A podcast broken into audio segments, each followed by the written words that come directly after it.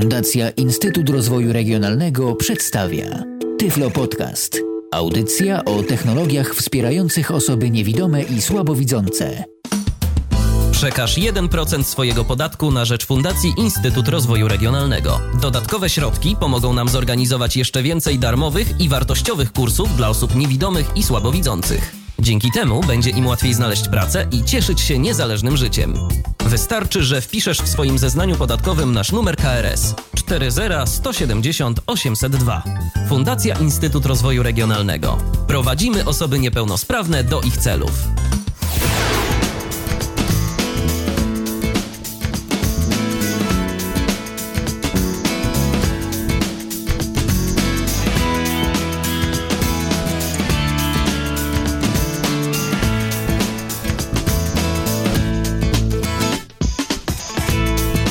Minęła godzina 19, mamy poniedziałek, dziś w kalendarzu to 20 dzień lutego, a wysłuchacie Radia N, które gra dla Was 24 godziny na dobę przez 7 dni w tygodniu na www.radio.nfm i www.radio.npl. Jak w każdy poniedziałek o tej porze, czyli po godzinie 19 pojawia się na naszej antenie audycja Tyflo Podcastu w Radiu N.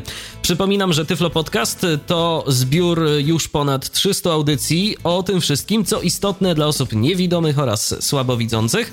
Zachęcam do odwiedzania naszej strony internetowej, która znajduje się pod adresem www.tyflopodcast.net. Piszemy www.tyflopodcast.net.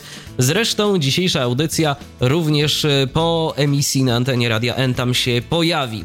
Mówią, że osoby niewidome mają jakiś e, naprawdę bardzo mocno wyczulony słuch. No to jest akurat e, nieprawda, natomiast fakt jest faktem, że osoby niewidome potrafią z tego słuchu bardziej i mm, rozsądniej oraz umiejętniej korzystać niż osoby widzące, bo po prostu muszą w niektórych przypadkach. No i także prawdą jest to, że sporo osób niewidomych zwraca uwagę na dźwięk, ale też prawda jest taka, że po prostu no, niektórzy niewidomi najzwyczajniej w świecie na ten dźwięk oraz jego jakość nie zwracają uwagi tak samo jak osoby widzące. A nie bez kozery rozpoczynam właśnie w ten sposób e, naszą dzisiejszą audycję, bo to właśnie o dźwięku, o programach do transmisji dźwięku y, przez internet y, i to o transmisji dźwięku wysokiej jakości będziemy mówić na antenie Radia N przez najbliższe dwie godziny. Witam moich dzisiejszych gości, czyli Tomka Bileckiego oraz Patryka Faliszewskiego. Witajcie. Witam. Dzień dobry. Pierwsze podstawowe pytanie, jakie muszę zadać, nie ulega wątpliwości, że no, takim najbardziej znanym programem do transmisji dźwięku jest e, nasz dobry znajomy Skype. No i pierwsze podstawowe pytanie.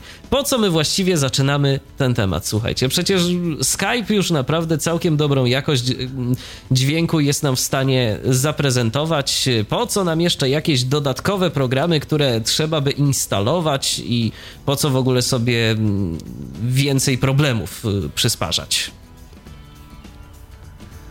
No cóż, no możliwości jest kilka. Ogólnie chodzi o to, że Skype ma dobrą jakość, ale nie najwyższą z możliwych. No bo. No bo.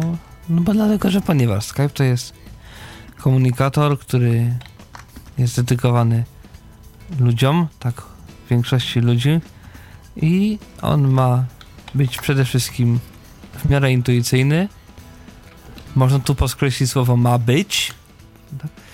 A niekoniecznie jest z jego dostępnością chociażby dla nas no jest coraz gorzej, powiedzmy sobie szczerze. Kiedyś Skype w wersji trzeciej to był naprawdę bardzo sympatycznie dostępny program, a teraz y, jest niedostępny dla, dla, przynajmniej części osób, albo inaczej, jego interfejs jest tak skomplikowany dla części osób, że GW Micro postanowiło uruchomić y, wersję taką y, Skype'a przystosowaną poniekąd dla osób niewidomych. No różne opinie o tej wersji są, ale co racja, to racja, interfejs ma zdecydowanie prostszy. Natomiast no, co do tej jakości dźwięku, jaką jest nam w stanie zaoferować e, Skype, to czy rzeczywiście waszym zdaniem z nią już jest tak dobrze, a może tak źle? Co, co z tym Skype'em jest nie tak? Znaczy, Skype to jest komunikator, który generalnie zależy do czego my ten komunikator chcemy wykorzystywać. I Skype nie jest bynajmniej komunikatorem uniwersalnym. To nie jest program przez który bezbłędnie i bezszelestnie nadamy muzykę, że tak się wyrażę nieprofesjonalnie, i, ale to jest program, którym na przykład jesteśmy w stanie spokojnie, wyraźnie i zrozumiale, aczkolwiek też w nie najwyższej jakości, ale takiej spokojnie zadowalającej, jesteśmy w stanie przetransmitować głos, dane, dane głosowe, dane dźwiękowe i tak naprawdę moglibyśmy Czyli mówiąc sobie po teraz rozmawiać. porozmawiać. Dokładnie. Przy czym Skype'owi nie straszne są jakieś szumy, jakieś odzywające się głośniki z rozmówcą, gdzie w normalnych warunkach zrobiłoby się sprzężenie, tutaj tego w zasadzie nie ma. Bo Skype ma algorytmy różne do tego usuwania i nawet jakoś to działa. No tak, to, to jest I o tyle to jest uniwersalne, działa. powiedzmy, że w zasadzie nawet jeżeli ktoś się nie zna na mikrofonie, to podłącza jeden mikrofon, podłącza drugi mikrofon, tu się rejestruje, tu się rejestruje, dzwonimy, gadamy i wszystko.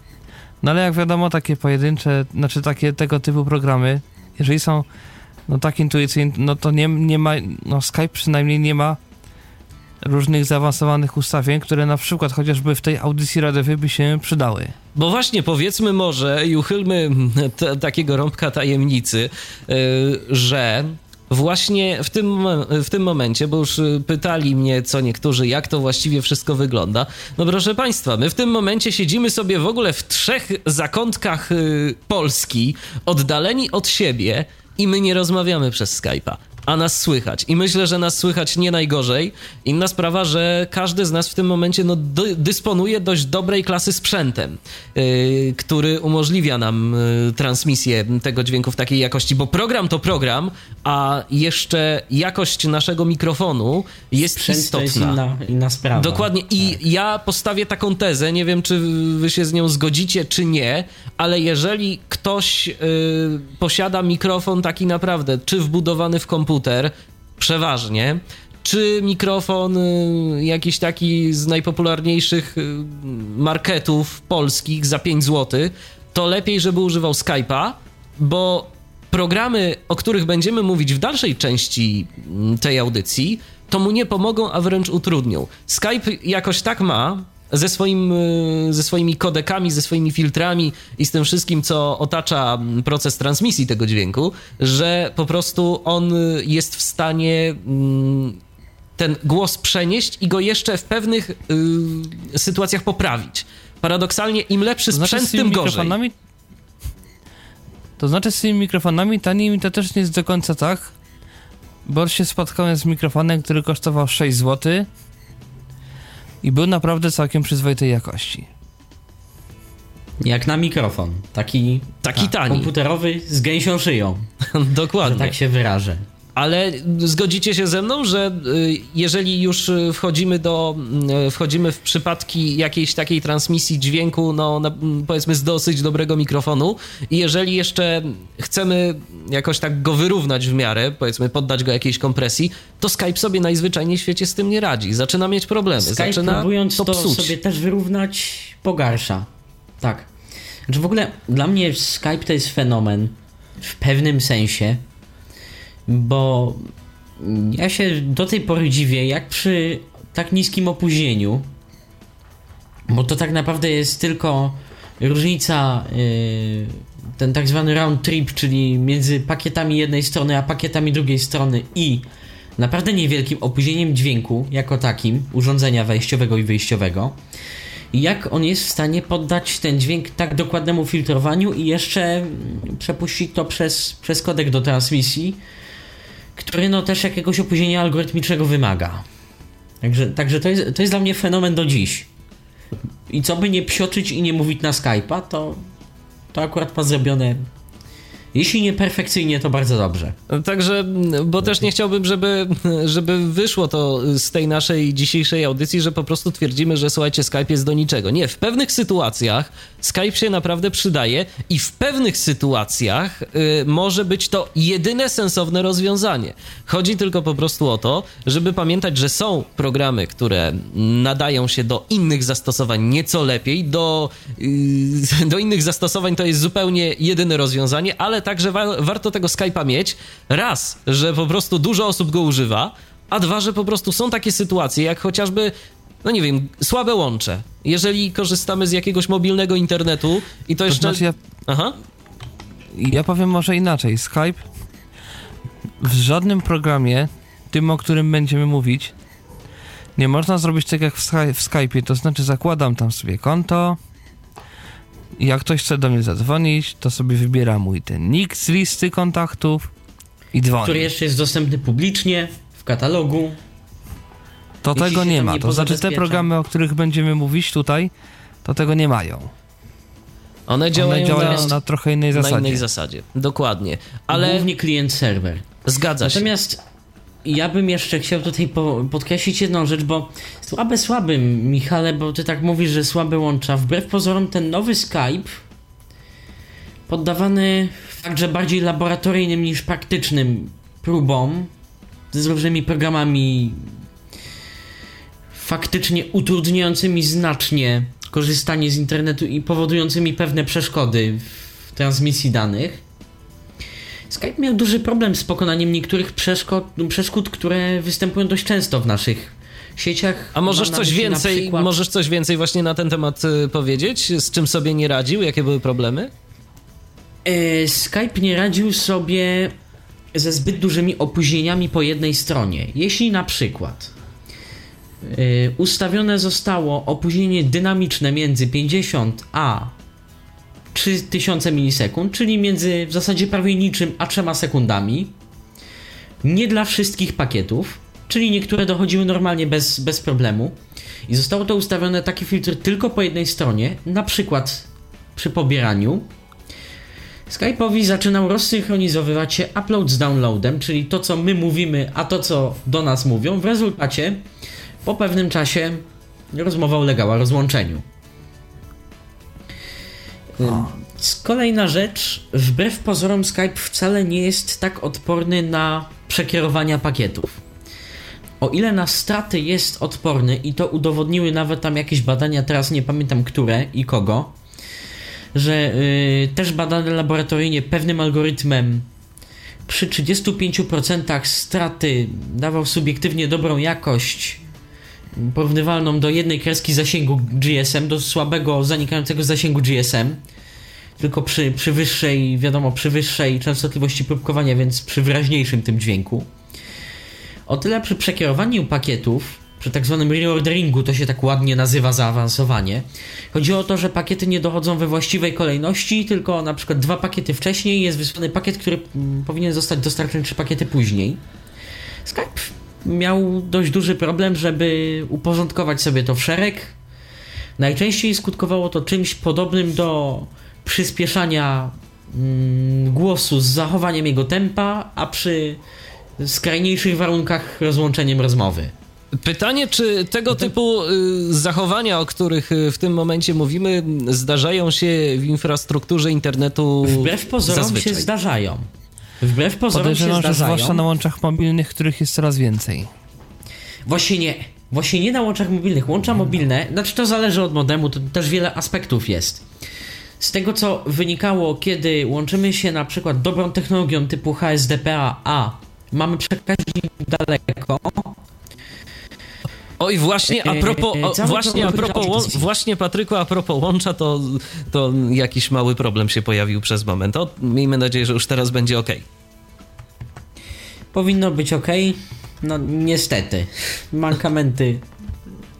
Nawet łącz polskiego dostawcy internetowego. Już nie będę wymieniał jakiego, chociaż i tak to wróćmy, wróćmy do tematu. E, w przypadku, kiedy używamy technologii HSDPA na przykład, czyli tej teoretycznie najszybszej, takiej możliwej, czy, oczywiście jest jeszcze LTE, teraz się tak trąbi o tym, ale mówię o tej przeciętnie najszybszej, a przekaźnik stację bazową mamy daleko, większość modemów będzie próbowała za wszelką cenę dosłać, kosztem opóźnienia, a niekoniecznie kosztem straty tych pakietów. Więc tu mogą być troszeczkę innego typu zachowania. Ale już na przykład, kiedy ktoś zajmuje nam, mówiąc krótko, łącze. Pobiera sobie muzykę na licencji Creative Commons albo dystrybucję Linuxa z pełną swoją prędkością. Z torrenta.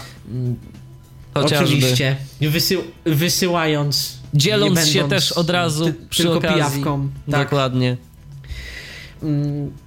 I na przykład wtedy dość często zachodzi zjawisko A. Straty pakietów, B. Wcześniej wspomnianego reorderingu i w niewielkim stopniu opóźnienia. To już zależy od jeszcze kilku czynników innych. Z taką sytuacją Skype sobie wbrew pozorom radzi. Z takimi combo, takimi połączeniami kilku zjawisk naraz on próbuje, jeśli nie są to zjawiska skrajne.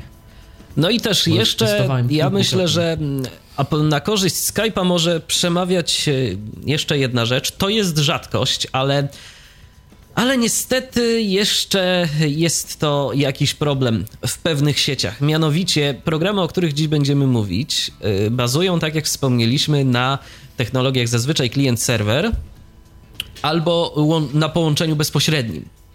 Yy, I tu jest kwestia portów, czyli tych, tak najogólniej mówiąc, gniazdek, yy, do których się Na łączymy. danym adresie, Dokładnie. tak, do których Problem jest taki, połączenia. problem jest taki, że yy, co niektórzy użytkownicy, na przykład kiedy podamy jakieś tam namiary na serwer TeamTalka czy, czy jakieś inne, mogą się najzwyczajniej w świecie nie połączyć. Dlaczego? Po prostu mm, zazwyczaj albo w tanich abonamentach w sieciach lokalnych, albo w korporacjach mamy administratorów, którzy blokują wszystko poza ruchem mm, umożliwiającym przeglądanie stron internetowych. Czyli to jest port 80 dla HTTP i dla, SS, dla HTTPS to jest 443, dobrze pamiętam? 443, tak. Dokładnie. I, i 21 dla FTP ewentualnie. Oj, FTP to raczej. pocztowe. FTP, FTP to raczej, FTP to raczej nie.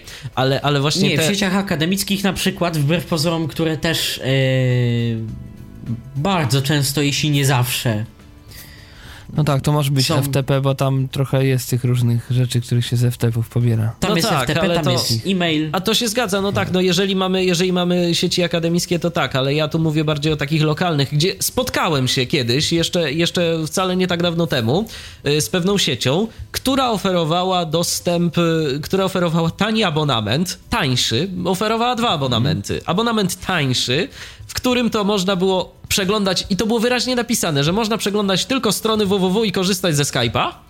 Yy, no i abonament droższy, który oferował yy, jakby wszystko. Nie było nic blokowane. Ale po prostu, no, Skype Skype'em, a, a inne programy. Taktyka marketingowa coś ciekawa. Dokładnie. Trzeba przyznać. Dokładnie. Także, także tak to wyglądało. I Skype po prostu za sprawą tego, że korzysta jednak z tych portów, ma taką możliwość. On y, standardowo korzysta tam z jakichś swoich, ale można mu y, kazać, żeby korzystał z, z portów HTTP. Y, No to dzięki temu jest po prostu osiągalny dla większości użytkowników. Nawet jeżeli co, co innego nam nie działa, to działa nam Skype. To po pierwsze, ale po drugie Skype, nawet jeśli nie może, bo czasami tak bywa, że na przykład stoi sobie, jesteśmy sobie w sieci lokalnej i z, przed nami stoi jeszcze sobie serwer, na którym to jest na przykład panel zarządzania dla wielkiego boga zwanego administratorem. No i wtedy mm, Skype z 80 też będzie miał problem. Natomiast Skype ma dość ciekawy algorytm, który imituje generalnie różne typy pakietów. I on tak naprawdę w pewnym sensie mniej lub bardziej oszukuje te wszystkie urządzenia, które blokują. I jako niepozorna strona internetowa czy inne takie wysyła pakiety w stronę użytkownika. Także wtedy są opóźnienia dość, dość duże. Opóźnienia są większe troszeczkę, bo to idzie przez. Innymi słowy, z Serwer- wieloma blokadami można się tym Skype'em połączyć. Dokładnie. I to ciężkie sieci już widzieliśmy. Ja się też z ciężkich sieci łączyłem Skype'em, gdzie Tak nawet gadu-gadu się średnio dało użyć. A strony się dało przeglądać też nie wszystkie.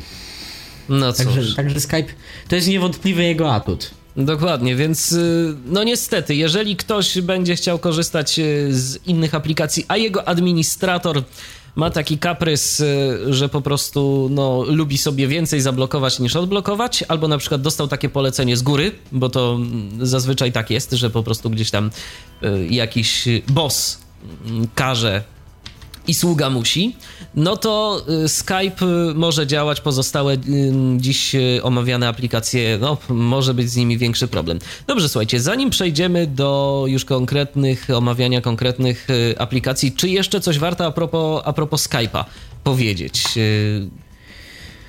Na propos Skype'a, myślę, że to, że dokonała się niedawno ewolucja, znaczy już może przesadzam, że niedawno, bo to jakoś 2009 rok było, ile pamiętam. Skype, mm, jak używał wcześniej kodeka SVOBC, teraz używa kodeka SILK, S-I-L-K. Co to daje w praktyce? Bo ta, tak tutaj operuje literkami, cyferkami. W praktyce daje to to, że została polepszona jakość dźwięku w Skype'ie. Tak? I to słyszalnie To nie zmienia polepszona. faktu, Dokładnie, co nie zmienia faktu, iż yy, wszystko, co powiedzieliśmy wcześniej, jest nadal aktualne, bo Skype nadal nie jest do wszystkiego idealny i, i dobry.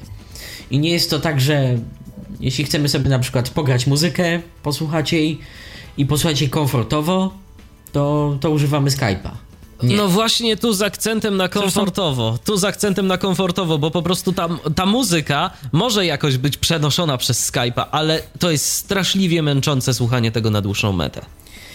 Obawiam się, Zresztą, znaczy, jeżeli jakoś... ktoś ma Skype od wersji 4.0, to jaki jest Skype, każdy widzi, można powiedzieć. Dokładnie, ale skoro, no tak. tak. skoro tak jesteśmy przy tych kodekach, to może powiedzmy jeszcze krótko, zanim zaczniemy omawiać y, poszczególne rozwiązania, na temat tego, y, no jakie wyróżniamy kodeki, jakie mamy kodeki i z czym możemy się spotkać, bo i tak będziemy do tego wracać. Tu w ogóle jest dużo. Bo, bo do tego będziemy wracać. Znaczy, mówiliśmy jakiś czas myślę, temu o kodekach. Mówiliśmy jakiś czas temu o kodekach, yy, jeżeli chodzi o kompresję muzyki, no ale też są takie specjalne kodeki, dzięki którym można kompresować głos. One troszeczkę inaczej muszą Tak. funkcjonować, bo muszą to robić szybciej. Aczkolwiek I MP3, troszeczkę inaczej słychać aczkolwiek MP3 ich transmitowane na żywo też się da.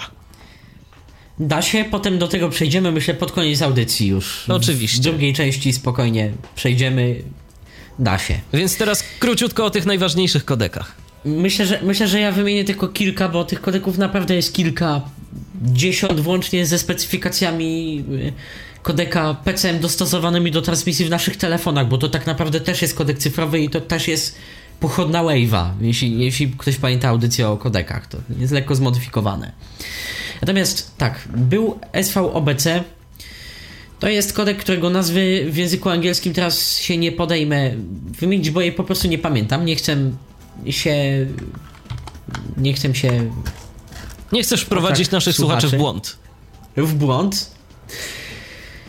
Jest to kodek dość skomplikowany, ale są bardziej skomplikowane. Kodek oferował do 16 kHz pasmo przenoszenia, w około 20-24 kilobitach był używany. W pewnym momencie nawet w około 50 kilobitach był używany. Tam deweloperzy Skype'a, bo to głównie oni mają prawo do tego kodeka, troszeczkę mm, podkręcali i, i testowali różne rozwiązania. Ale 16 kHz było gór, górną granicą z racji, że kodeki mm, do głosu charakteryzują się tym, że wykonują troszeczkę inny typ transformat i inny typ procedur, które powodują, że tak naprawdę dużo, dużo mniej danych jest potrzebne na transmisję głosu i transmisję tylko głosu, bo te kodeki często już mm, oczywiście chyba nie muszę mówić, że duża większość z tych kodeków nie ma takiego czegoś jak stereo. To są kodeki tylko jednokanałowe. Bo po cóż komuś przy- mowa w stereo. Dokładnie. Lub No udają, że są dwukanałowe. Ewentualnie warto jeszcze przypomnieć, a propos 16 kHz, że płyta CD to jest częstotliwość 44 44 100, 44 100, czyli no znacznie ponad dwa razy szybciej, 2,5 razy więcej ta częstotliwość próbkowania, więc no to jest już no dużo. I, i to, to słychać. To, to słychać. Nawet z takim mniej wprawnym uchem. Spokojnie. Natomiast wracając do, do sedna, te kodeki często wykonują y, operacje bardzo zaawansowane matematycznie. Często one potrafią być procesorożerne, szczególnie kiedyś. Teraz już ta technika tak poszła do przodu, że już nawet w urządzeniach typu AI ze znaczkiem nadgryzionego jabłka mamy tak zaawansowane kodeki, ale też i procesory tam są coraz szybsze. Te kodeki często zapisują tak naprawdę część informacji o prawdziwym głosie, przy czym pod hasłem część nie kryje się 7, ani 70, ani około 50%, a jest to od 5 do, jak dobrze pójdzie, 20% realnych danych. I mm, na bazie tych danych dopełniają sobie yy, tak naprawdę ten dźwięk różnymi algorytmami, zakładając poniekąd różne rzeczy i różne słabości naszego ludzkiego słuchu. To tak, tak pokrótce. To, to jest często modelowanie, to jest często synteza, to jest często selekcjonowanie odpowiednich harmonicznych dla danej częstotliwości, wykrywanie tej częstotliwości. Dlatego też mówiłem o. Jednym słowem mówiąc, bardzo stratna kompresja danych. Dokładnie. Dlatego też mówiąc o tym komfortowym słuchaniu muzyki, miałem na myśli to, że jak wszyscy wiemy w utworach muzycznych, często tych dźwięków jest wiele i wiele na raz. Często dla takiego koteka to jest albo zabójcze, albo bardzo niewygodne.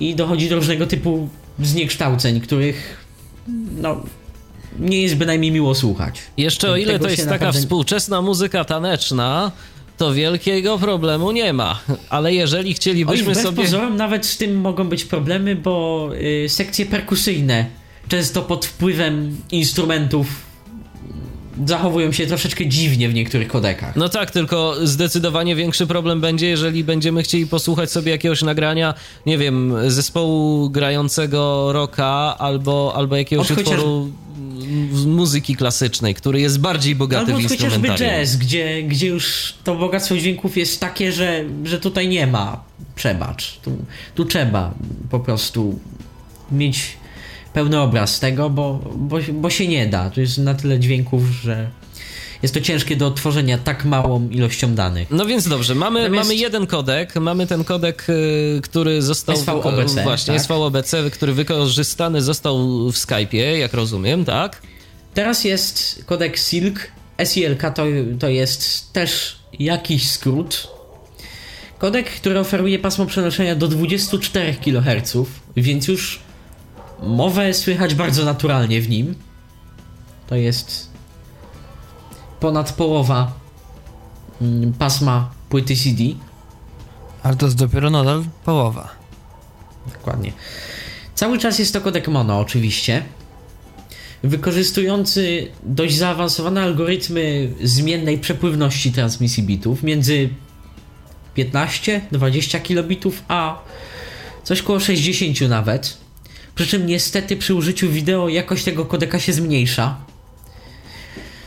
Ciekawostką jest to, że kodek Silk został zaprojektowany tak, aby w locie bez restartu połączenia móc zmieniać mm, częstotliwość próbkowania. Czy to tak naprawdę nie jest zmiana częstotliwości próbkowania, bo on urządzenie otwiera zakładając najwyższą, czyli 24, to takie szczegóły techniczne dla zainteresowanych ale tak naprawdę używa dość zaawansowanego filtra, którym jest w stanie w ciągu kilkudziesięciu milisekund przejść od 8 kHz, czyli jakości telefonicznej, do pełnej swojej, czyli 24. Robiąc to płynnie.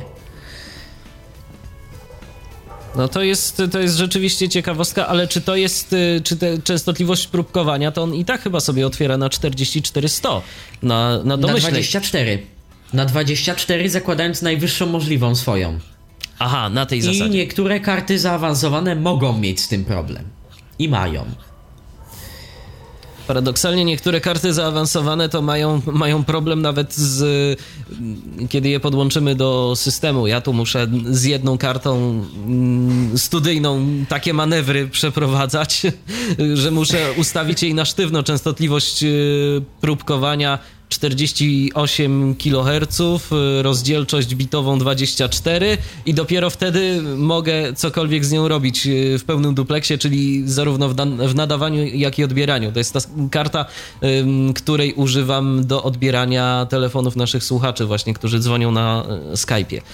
A w innych przypadkach, y, jeżeli tego bym nie ustawił za pomocą takiego zmyślnego programiku, który się nazywa Audio Repeater, no to po prostu słuchacz jakby zadzwonił, miałby jeden wielki szum, a my mielibyśmy to samo. A propos Skype'a, tyflopodcast.net y, to jest nasz login skype'owy, za moment będzie on do waszej dyspozycji, uruchomię go. Y, a jeszcze zanim to zrobię, to może jeszcze króciutko o mm, pozostałych takich najistotniejszych kodekach y, dźwiękowych Tak. do transmisji mowy. Następny kodek to jest kodek Speaks. Myślę, że też warto o nim powiedzieć. Jak sama nazwa mówi Speaks, więc od Musi angielskiego coś być z speech, mową. Czy, czy Speaks, czy, czy Speak, więc, więc mowa, oczywiście. To jest kodek mm, Przede oferujący wszystkim otwarty. przede wszystkim open source'owy, otwarty, z otwartym kodem, produkowany przez tych samych państwa, którzy stworzyli kontener OGG i, i kodek Vorbis, taki kodek uniwersalny do, głównie do muzyki.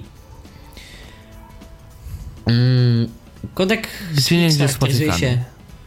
Tym, Nawet. że udostępnia trzy częstotliwości próbkowania z założenia. Jest to 8, 16 i 32 kHz. Czyli jakość telefoniczna, jakość porównywalna z kodekiem starszym w Skype'ie i jakość dwa razy taka, która myślę, że wielu użytkownikom już spokojnie wystarczy. Jeżeli ktoś chciałby sobie Spixa w praktyce posłuchać, to ja odsyłam do stareńkiego podcastu o TeamTalku. Yy, to był podcast robiony w 2008 roku, yy, jak dobrze pamiętam, wspólnie z Tomkiem. No, sporo czasu Tak jest. siedzieliśmy i demonstrowaliśmy słuchaczom, jakie to są różne parametry tego kodeka, yy, którym właśnie był Przynajmniej tej Spix wersji wbudowany w TeamTalka. zaimplementowanej w TeamTalku, bo oczywiście Spix nie wbudowany w TeamTalka ma kilka jeszcze rzeczy. Dość ciekawych parametrów, które myślę, że zwykłemu użytkownikowi się nie przydadzą w zasadzie na nic. Aczkolwiek To są typowo eksperymentalne. do analiz. Parametry, które- One. one tak. Co jest ciekawego w tym kodeku? Ten kodek można powiedzieć, że obsługuje stereo. Tak, W TeamTalku powiedziałem nie teraz wielką obsługiwał. sentencję. Powiedziałem teraz wielką sentencję. Dlaczego powiem, że można tak powiedzieć?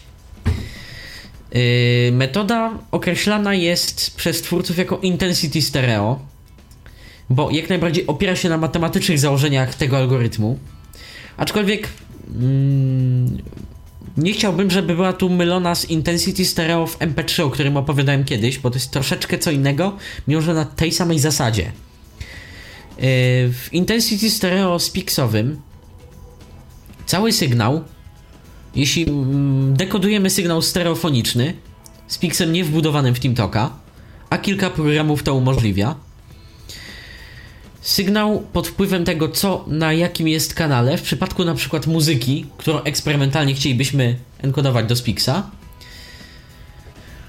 pod wpływem tego cały sygnał jest szybko, z dokładnością do kilkunastu milisekund rozstawiany, można powiedzieć, w, w panoramie. Brzmi to mniej więcej tak, jakby ktoś mm, słuchając muzyki złapał za suwak od balansu. To jest taki parametr, który mówi nam, czy dźwięk jest na kanale prawym, czy na lewym. I się nim mówiąc krótko bawił. Nie I polecam nim nikomu bardzo tej szybko metody. kręcił. W Dokładnie. zależności od tego, czy muzyka jest Czyli bardziej ja na może lewym to kanale, teraz zademonstruję, brzmiałoby to mniej więcej tak. No tak, my, my tu nie słyszymy, ale, ale słuchacze Ale kręciłem usłyszą. balansem, kręciłem balansem.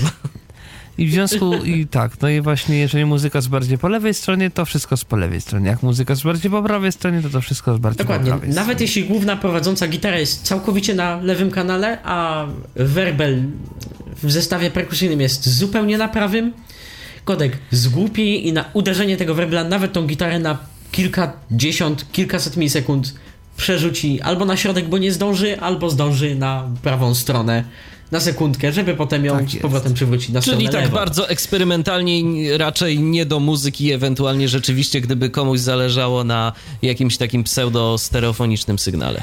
Takie Powiem bardzo tylko tyle, w słuchawkach jest, jest. w słuchawkach jest to męczące na dłuższą metę. Natomiast ten kodek ma coś, czego nie mają obydwa kodeki Skype'owe. W nim można dość zaawansowanie regulować jakość. Bo ten kodek Tak ma jest. ok 8, 16 i 32 kHz, ale w przypadku TeamTalka jest to suwaczek. W przypadku kodeka mm, sterowanego linią poleceń są to odpowiednie parametry. Można yy, zarządzać przepływnością bitów, jaka będzie użyta do przeanalizowania, do, do zenkodowania materiału. Dlatego, dlaczego mówię, że która może być użyta? Bo Spix jest kodekiem z natury VBR, zresztą tak samo jak Silk. Chodzi o to, że nie da mu się ustawić jak formatowi MP3 na sztywno. Używaj 45 kilobitów na sekundę. Jeśli sprawa tego wymaga, on użyje około 35-37, bo jest na przykład niewiele informacji do zapisania. Jeśli sprawa tego wymaga, bo enkodujemy ciężki metal, on będzie w stanie użyć około 50 kilobitów do przeprowadzania tej operacji. Tylko myślę, że to wszystko wynika bardziej z jakiegoś e, marketingowego, znaczy z tego podejrzewam głównie, że w Skype'ie to jest ich mm, kodek własny, wbudowany już w program, a Spix to jest po prostu kodek, który jak go ktoś użyje i co da użytkownikowi do, do zabawy, to jest, to jest jego rzecz, dlatego że przecież są programy, które używają Spixa w jakimś jednym standardowym ustawieniu, no i tam Znaczy się nie, ja tu bardziej miałem na myśli to, że Spixowi się nie da na sztywno tego określić, że on z zasady, my mu określimy przybliżoną jakość, ale nie określimy Nie, tylko tak dokładnie. mówię generalnie o A, pro, a propos tego modelowania jakością i parametrami, no tak, że y, Znaczy w ogóle o wszystkim. to niestety ustawione na tym, że- sztywno, Spix daje nam tą dowolność i to dość dużą. Tak, tylko że właśnie jakby Silk jest wbudowany w Skype, więc to już jest jakiś komunikator. W związku z czym jakby tu jest jedno zintegrowane z drugim, a Ale źródła są dostępne Silka pod no pewnymi tak, ale z tego co wiem to nieoficjalnie. oficjalnie. Oficjalnie na stronie deweloperów Skype'a na licencji niekoniecznie yy, bodajże open source, ale generalnie takiej dającej jakieś tam wolności, teraz jej nie pamiętam dokładnie, jest do pobrania SDK i kod źródłowy Silka. I można tego używać za darmo, czy to y, gdzieś tam jakiś opłat No właśnie trzeba? chyba niekomercyjnie można używać tego za darmo, ale te, pewien nie jestem, więc nie chciałbym w błąd wprowadzać. Y, Bo czy to jest to, na czym y, powstał, jak ten klon się nazywa przez GW Micro zrobiony? Nie GW Skype, Nie, teraz nie, się nie, nie, nazywa nie, nie. inaczej. GW Connect. Nie, Właśnie. Connect. to nie, jest to. To jest y, SDK Skype'a, a nie kodeka. To jest SDK Skype'a, czyli całego od odbierania rozmów przez Ale Facebooka czy. do. Mhm, ale do, no dobrze, czyli w takim razie, skoro tam jest kodek, ale to czy orientujecie się, czy ktoś w ogóle z tego korzysta? Czy są jakieś aplikacje, które wykorzystują ten kodek? Znane wam są jakieś? Czy, czy Coś na iPhone'a wykorzystuje ten kodek. Nie pamiętam teraz co. Do nagrywania wiadomości. I nie zdziwmy się, jeżeli może jakieś gry to wykorzystują, bo tych gier jest ileś i E, więcej cała gry- platforma Windows Live, e, znaczy Xbox Live chyba stoi na Silku albo na Spixie, teraz nie pamiętam. Generalnie na, na którymś z tych dwóch na pewno. Także te kodeki są dosyć, e, są, są jakoś tam popularne. No i jeszcze myślę, że taki jeden kodek mi przychodzi na myśl, może jeszcze o, o jakimś więcej powiecie, ale CELT, jeszcze CELT. CELT to jest w ogóle ciekawe zjawisko. Spix. CELT jest z tej samej stajni co Spix, to jest też fundacja XIPH, X-I-P-H. To jest kodek, który według producentów, według twórców ma być z założenia uniwersalny, ale szybki. To jest kodek do transmisji na przykład muzyki przez internet w czasie rzeczywistym. Czyli kodek wysoki, do wysokiej jakości, Ko- do przesyłania audio wysokiej jakości przez internet. Dokładnie, to ma być kodek. Z jak Który- najmniejszymi opóźnieniami. To jest kodek, który samo matematyczne opóźnienie ma między 3 a 9 milisekund. W praktyce podobno komuś udało się dojść do 1 setnej milisekundy, wykorzystując około 1 megabita przepustowości, więc już no dość Sporo. ekstremalne warunki, ale się da. Kodek, który porównywany jest przez deweloperów do gorszego MP3. Troszeczkę. W praktyce to jest według mnie trosz, troszkę inna bajka, aczkolwiek coś w tym jest. Bo kodek oscyluje już w normalnych przepływnościach bitów między 32 a 512 kilobitów na sekundę, czyli między 8 a 64 kilobajty na sekundę. E, I teraz w zależności od interfejsu i programu jest już bardzo dowolnie konfigurowany i oferuje dość zaawansowane parametry ustawiania. Częstotliwości próbkowania to minimalna 32 kHz, maksymalna 96 kHz. Co już z tych samych danych widać, że to jest już kodek rzeczywiście do przenoszenia. Dźwięku Muzyki o naprawdę dobrej jakości i można go wykorzystać e, nawet w jakichś tam działaniach studyjnych. Mm, Tak, no i oczywiście Celt już ma wersję stereo. Znaczy można, może być wykorzystywany I to jest takie faktyczne sensie- stereo, czy to jest też jeszcze jakieś takie To jest naciągane? faktyczne stereo, ba nawet ma niewiele uproszczeń w schematach kodowania do stereo, nad czym z jednej strony ubolewam, bo myślę, że gdyby zostały takowe zastosowane, można by troszeczkę iść jeszcze w... No ale to już jest jakby kwestia bliskich. taka, powiedzmy, tak, tak. troszkę No, bardziej. subiektywna, ale, ale generalnie to jest kodek, który Niemniej jednak to już już jest rzeczywiste, rzeczywiste stereo i jeżeli słucham muzyki, to można tu określić co jest po lewej stronie, co jest po prawej stronie i tak dalej, i tak dalej. Nawet można spokojnie się zastanawiać nad, nad aranżem danego utworu. O właśnie, ja sobie zamknąłem okno, bo już temperatury coraz niższe się robią. O. Nawet można sobie się zastanawiać nad, nad aranżem utworu, nad, nad parametrami. No, to jest po prostu już komfort słuchania muzyki nawet w tych średnich jakościach i nie tylko Nie jedna zresztą. MP3 podejrzewam brzmi gorzej sama w sobie niż dźwięk, jaki mo- można uzyskać za pomocą tego kodeka. Dokładnie. Zresztą my tutaj w radiu właśnie ten kodek wykorzystujemy, tak? Dokładnie. Kolejny, rąb, kolejny fragment rąbka tajemnicy. My rozmawiamy za pomocą kodeka CELT. To może teraz jeszcze podajmy Wcale nie w parametry. najwyższej jakości. Dokładnie, bo to, nie, bo, to, bo to nie jest e, jakość najwyższa, jaką oferuje ten kodek. To znaczy, y, dla y, ścisłości, y, ja. Nie, mój głos nie jest słyszalny przez y, Celta mm, na antenie, y, natomiast głosy Patryka oraz Tomka są słyszalne właśnie z wykorzystaniem Celta. Jakość bitowa to jest 96? Dokładnie. Tak? 96 mono, 96 z tego, co kilobitów, tak. 44100 oczywiście. Co trzeba przyznać? Mono. W stereo ten kodek zachowuje się troszeczkę gorzej, przy czym jest to yy, proporcja mniej więcej taka, że 128 stereo to jest mniej więcej 80 mono. To nie jest 64 mono jak w MP3, że to jest dokładna dwukrotność. Tu jest już są na tyle zaawansowane schematy kodowania używane, że tu już jest troszkę inny ten współczynnik, mniejszy. To jeszcze takie jedno pytanie, które y, mi się nasunęło. Y, zanim damy naszym słuchaczom odrobinę wytchnienia, zapewne co jakiś czas, no co niezbyt długi, co, nie, co niezbyt krótki czas, ale jednak słyszalne są y, w trakcie naszej rozmowy takie dziwne, jakby. mm, Jakby na przykład program w danym momencie. Takie zniekształcenie. Tak, takie zniekształcenie. Jakby w, jakby w danym momencie program zgubił jakąś ramkę, zgubił jakiś fragment danych. Skąd to się dzieje? Może słówko jeszcze o tym. Dlaczego nie jest tak, że na przykład y, nam się w danym momencie, jeżeli program ma jakieś zawirowania na łączach, dlaczego nam się ta transmisja nie zatnie?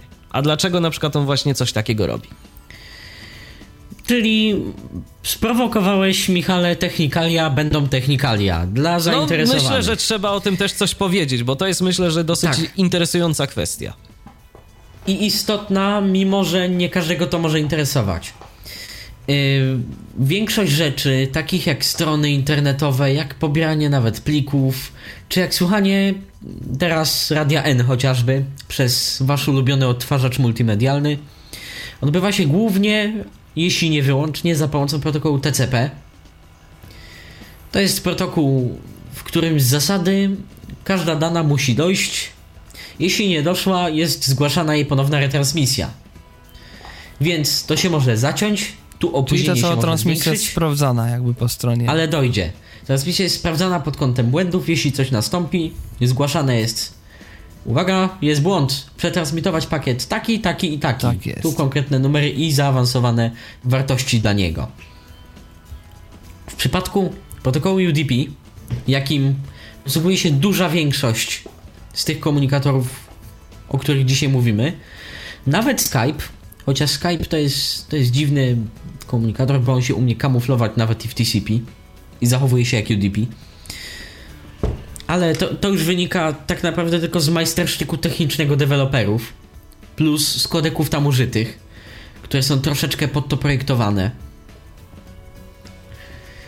Mm, Ale to co z tym UDP? w przypadku protokołu UDP e, praktycznie nie istnieje takie coś jak sprawdzenie poprawności danych. E, rozmiar pakietów UDP jest większy. Te poniekąd takie rameczki są, są większe. Więc jeśli się jedna taka ramka zgubi, to troszeczkę tych danych nam jednak ucieknie. To może być pół słowa, to może być jakaś sylaba. Tymi y, rodzajami ramki i długością ramki w niektórych komunikatorach, fakt, że bardzo nielicznych, można modelować, można to ustawiać. Mniej lub bardziej legalnie, mniej lub bardziej pokrętnie da się, w niektórych nawet zupełnie otwarcie. I to będzie powodowało to, jak duży fragment my będziemy tracić. Jeśli my byśmy sobie teraz podczas tej naszej transmisji zwiększyli fragment ramki, zwiększy, zwiększyli rozmiar ramki, i miałbym ja na przykład albo Tomek jeszcze większe problemy na łączu, gubiłoby, mogłoby nam się gubić na przykład całe słowo za jednym zamachem. A słuchacze słyszeliby bardzo dziwne zniekształcenie, dużo dłuższe. Sama, samo zniekształcenie, jak będzie słyszalne, zależy od kodeka i od programu, jak jest napisany, i od wielu bardzo zaawansowanych czynników, których ja nie wszystkie jeszcze znam, aczkolwiek mm, można powiedzieć, empirycznie badałem to i nie jeden serwer, nie jednego komunikatora rozwaliłem tym, edytując wartości w poszukiwaniu tych danych. Różnych ciekawych. Y, a gdybyśmy na przykład zmniejszyli sobie, gdybyśmy zmniejszyli sobie mm, tą właśnie ramkę, czyli to się datagram bodajże nazywa tak y, to się nazywa w nomenklaturze datagram, UDP. Chociaż Chociaż tu akurat y, sam datagram ma niewiele wspólnego, bo jeszcze ma wspólnego y, wiele. Ma wspólnego oczywiście datagram, ale też y, parametry, jakie wysyłane są do kodeka przez program, do samego silnika kodującego. No tak, ale gdybyśmy to, gdybyśmy to Patryk zmniejszyli, to jest to co? To, to, to zmniejsza się też prawdopodobieństwo to... jakichś y, strat. Nie. Właśnie, tu jest ciekawostka, nie. Wtedy samo zniekształcenie będzie bardzo krótkie, ale dużo mniej potrzeba, żeby takie zniekształcenie nastąpiło. Bo tak z wzrostem ramki wzrasta opóźnienie. I większość programów, tak jak na przykład ten, po którym się łączymy, o którym zaraz powiemy, mm, mimo wszystko używają bardzo niewielkiej wstęgi pakietów TCP, na zgłoszenie retransmisji, którą zauważył serwer, czyli coś, co stoi teraz pomiędzy nami. Jeśli serwer zauważy problemy z połączeniem, jest w stanie zgłosić, że coś jest nie tak, sprawdź ewentualnie. Jeśli zmieści się to w opóźnieniu, które ustawiliśmy sobie sterując długością ramki, jest szansa, że ta ramka się dośle. A jest szansa, że się dośle część tej ramki i wtedy się zrobi w ogóle dość ciekawa rzecz, czyli zniekształcenie, ale takie, które jeszcze będzie zrozumiałe. Lub na chwileczkę nam to się zatnie w przypadku bardzo dużych opóźnień. Może być. Tak. Bo też tak się może zdarzyć, bo no, to nigdy nie wiadomo, na co trafimy na łączu. Dobrze, prawie część, prawie połowę naszej dzisiejszej audycji przegadaliśmy na temat y, samych kodeków, a tu jeszcze Kodeków? o aplikacjach trzeba by troszeczkę porozmawiać, więc za chwileczkę to uczynimy. Skype jest do waszej dyspozycji, można dzwonić, tyflopodcast.net, jeżeli chcecie o coś zapytać y, dzisiejszych moich gości, czyli Tomka Bileckiego oraz Patryka Faliszewskiego. Przypominam, że dziś rozmawiamy o programach do transmisji dźwięku w wysokiej jakości poprzez y, internet a paradoksalnie dzwonić do nas możecie na Skype'ie tyflopodcast.net. Zapraszam serdecznie, a my wracamy już za chwilę. Radio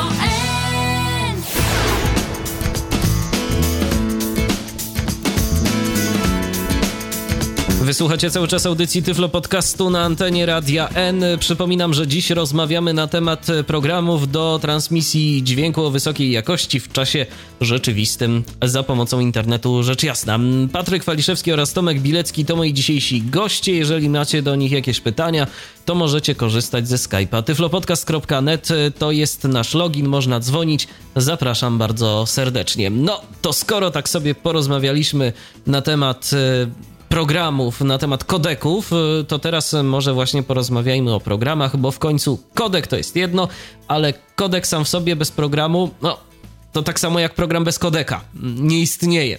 Musi coś być, y, dzięki czemu w prosty sposób będziemy mogli z tego kodeka korzystać. Tak jest. Dokładnie. To Tomku, taki najpopularniejszy chyba wśród nas przynajmniej program, który zresztą kiedyś Mhm. omawialiśmy w Tyflo Podcaście, ale no to było dawno temu i sporo się zmieniło, jeżeli chodzi o te aplikacje, to TeamTalk. No już prawie 4 lata tak naprawdę. Dokładnie. Dokładnie. Jak ten czas leci? Gdzieś chyba w kwietniu będą 4 lata od audycji o TeamTalku. No, to już niedługo. No, to już niedługo, niedługo, Dokładnie. i... 4 lata Tyflo Podcastu, bo to była jedna z pierwszych audycji, tak swoją drogą. Tak jest. A propos. Dobrze, więc co z tym TeamTalkiem? Co tam się zmieniło? W ogóle może tak scharakteryzujmy tę aplikację króciutko. Tak, TeamTalk to jest zupełnie coś innego. Ten program działa zupełnie inaczej niż Skype. W Skype'ie tworzymy sobie konto. Jak sobie utworzymy konto, to jesteśmy w takim publicznym katalogu. I każdy jeden, kto nas zna i my się tam grzecznie, ładnie wpisaliśmy od początku do końca, to może nas znaleźć i dojść do kontaktów i porozmawiać. Z TeamTalkiem nie ma lekko, dlatego że TeamTalk ma dwa programy poniekąd. Pierwszy to jest klient, drugi to jest TeamTalk serwer. I teraz trzeba albo zainstalować, albo znać czyjś serwer i programem klienckim się do tego serwera połączyć, znając jego adres internetowy i tego już nie da się wyszukać, chyba że w goglach. I jak znamy adres takiego serwera, jak się na nim połączymy, to mamy tam listę takich pokoi, to trochę użytkownicy powiedzmy jeszcze irców na przykład, Albo czatów Yy, współcześnie w internecie. albo czatów. Dokładnie, tam też są takie właśnie jakby pokoje, e, tutaj zwane kanałami. Przeważnie, chociaż to można zablokować serwer, że można tworzyć własne kanały. Co jest absurdem, No i teraz- uważam, nie wiem, jakoś...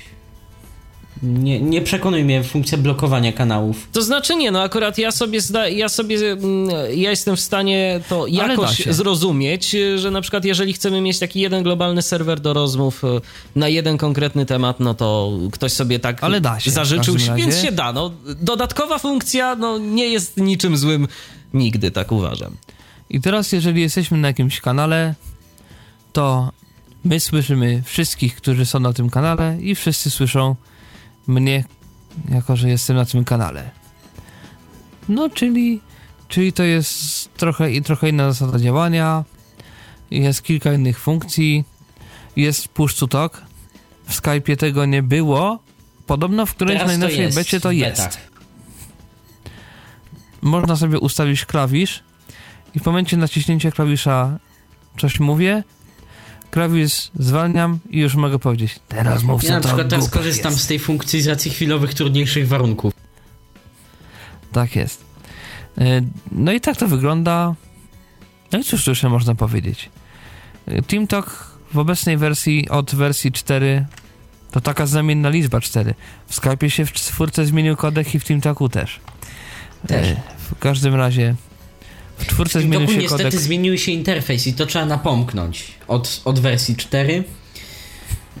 Zaz, y, zaznajomieni ludzie z TeamTalkiem 3.6 i znający go z podcasta napotkają niemiłą niespodziankę, jeśli ten program tak o zainstalowany na zasadzie dalej, dalej, dalej będzie niedostępny. Dokładnie. trzeba w pewnym momencie zazna- zaznaczyć Classic Version for Accessibility, Classic tak Client to for się nazywa. Accessibility, tak. Chodzi o to, że zmieniono technologię, w jakiej ten program jest pisany, Na na taką, która jest nieprzyjazna Tak. naszym To zna ten wie. Dokładnie. Na QT. Aczkolwiek, No razie- aczkolwiek nawet i z tego, mm, z tego klienta y, takiego w QT, jeżeli ktoś się bardzo uprze, to jakoś da radę skorzystać. To Ja da się korzystać. Ja pamiętam, dlatego, ja że- pamiętam ostatnio, słuchajcie, taką, taką przygodę, kiedy mm, y, znajomym pokazywałem e, TeamToka y, i mieliśmy tam za zadanie coś podziałać, jednemu koledze od, od nas z fundacji, z Firu, pokazywałem TeamToka i mówiłem, że słuchaj, no tu musisz sobie coś tam, coś tam zrobić, coś tam znaleźć. Okazywało się, że nie mógł tego, y, nie mógł tego znaleźć, tej konkretnej opcji. Pytam się, słuchaj, a jakiej ty, jaką ty właściwie y, zainstalowałeś? Y, ty nie zainstalowałeś sobie przynajmniej tej niedostępnej? Nie, no ona całkiem dostępna jest przecież. I klikałem sobie dalej, dalej, dalej, no i się coś zainstalowało. Dlatego, że deweloper na początku próbował tą wersję w Qt no zrobić tak, żeby ona była dostępna. No niestety poległ. Żeby... W związku z czym poległ, napisał po prostu... Dla po prostu czytników ekranu to jest dostępne już. Jakoś. Jakoś, no właśnie jakoś. Znaczy, jakoś, może sprecyzujmy. W zasadzie całe ustawienia i okno główne jest dostępne w pełni. Nie jest dostępny czat i nie jest dostępne konfigurowanie no skrótów klawiszowych, bo od teraz czat to, to znaczy pliki są czat dostępne. tekstowy, bo na TeamTalku oprócz tego, że można mówić, to można jeszcze pisać i też to będą wszyscy widzieli. To, to, tak jak klasyczny czat. No w każdym razie jest to prawie dostępne, ale to takie prawie, które, które robi różnicę. Dlatego dla wygody naszej, niekoniecznie swojej, deweloper opublikował wersję, wersję Classic Dał sobie spokój i zrobił wersję taką na normalnych, standardowych kontrolerach Windowsowych. I to zrobione specjalnie dla niewidomych. A pewnie dlatego, że sporo osób niewidomych na tym TeamTalku jest. Myślę, że ze 30% światowych użytkowników TeamTalka to niewidomi jeśli nie więcej. No, coś koło tego. No. Bo po tak prostu tak no, no, to się sprawdza to, o czym mówiłem na początku tej naszej audycji, że w zasadzie no, osoby niewidome gdzieś tam zwracają uwagę bardziej na ten Mogą dźwięk. Mieć większe wymagania co do jakości dźwięku. Dokładnie. W programach. A przy czym naprawdę, no, z tego TeamTalka korzysta się. Nie, dokładnie, z tego TeamTalka korzysta się bardzo przyjemnie. Natomiast teraz myślę, że Słów kilka warto by powiedzieć o tym, czego TeamTalk nie lubi. Zazwyczaj mm, on nie lubi, kiedy korzysta się z niego bez słuchawek. Tak, bo TeamTalk już nie ma. Mm, zwłaszcza na tych. To znaczy inaczej. Ma. To znaczy inaczej. Jeżeli tu jesteśmy na radio, to nawet dałoby się tego bez słuchawek.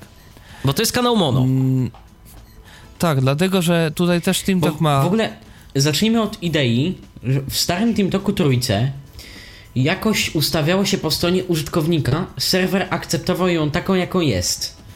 Czyli każdy że tutaj mamy teraz... mieć zupełnie inną jakość. Ja miałem wysoką, ktoś miał niską, bo tak. TeamTalk 4, w TeamTalku 4 zostało zmieniły. zrobione to w ten sposób, że tworząc kanał, tworzymy go w jednej określonej jakości.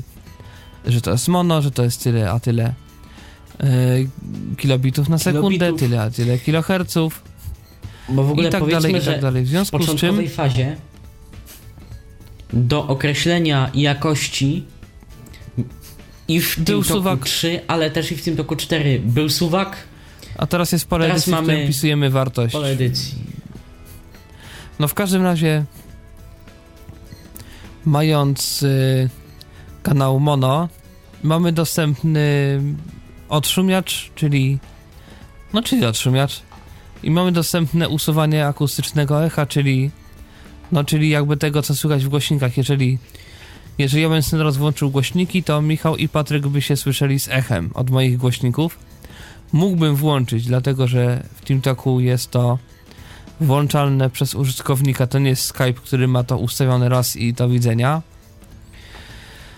więc to się da wszystko regulować. Niestety nie w kanałach stereo, co wynika z rzeczy różnych.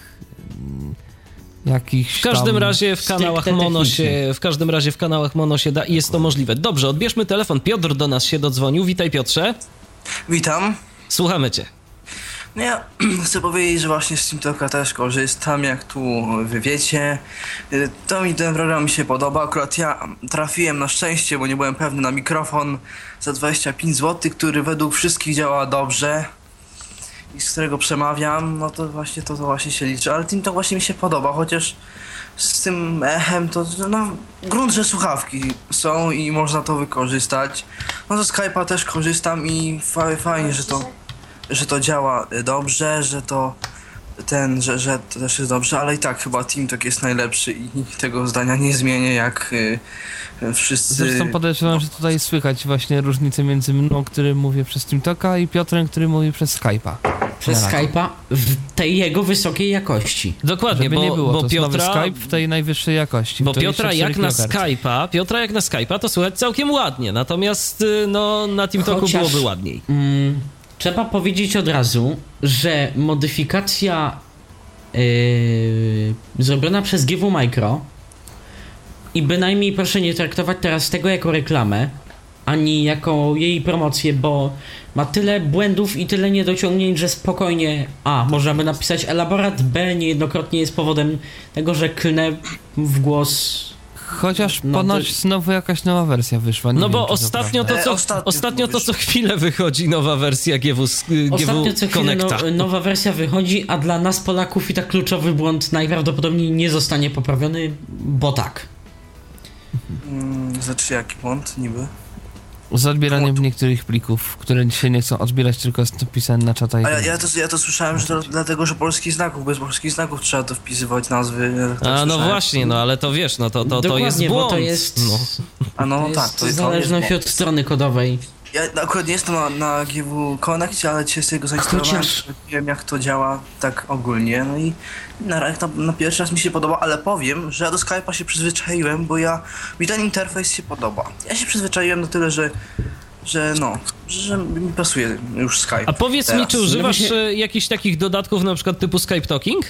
Tak, używam, to dobrze działa, yy, poprawnie, no i, no i jest ok, jest ok. Wszystko mi czyta jak należy. Eee, Też równo Skype Talking. właśnie, ale to, i to fajnie działa. Skype Talking dobrze. Mi się najbardziej podoba to, że ja nie chcę ustawić jednego syntezatora i mam ustawione automatyczne dostosowanie SAPI i jeżeli ja zmienię syntezator, to mi Skype Talking się automatycznie przerzuca na to, co ja sobie tam przyłączyłem No tak. w programie. To, to jest też taka fajna opcja i No, właśnie. niektórym użytkownikom to się może podobać.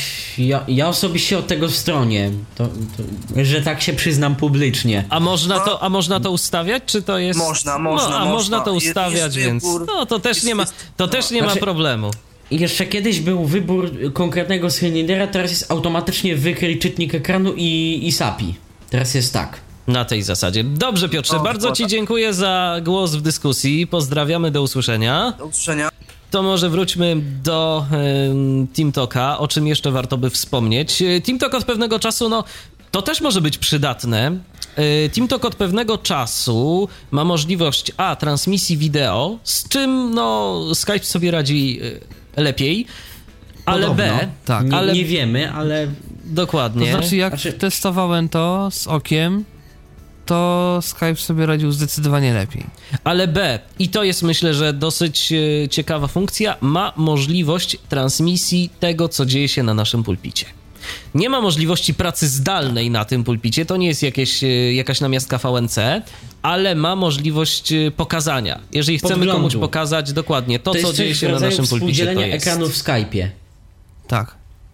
Więc y, to się przydaje.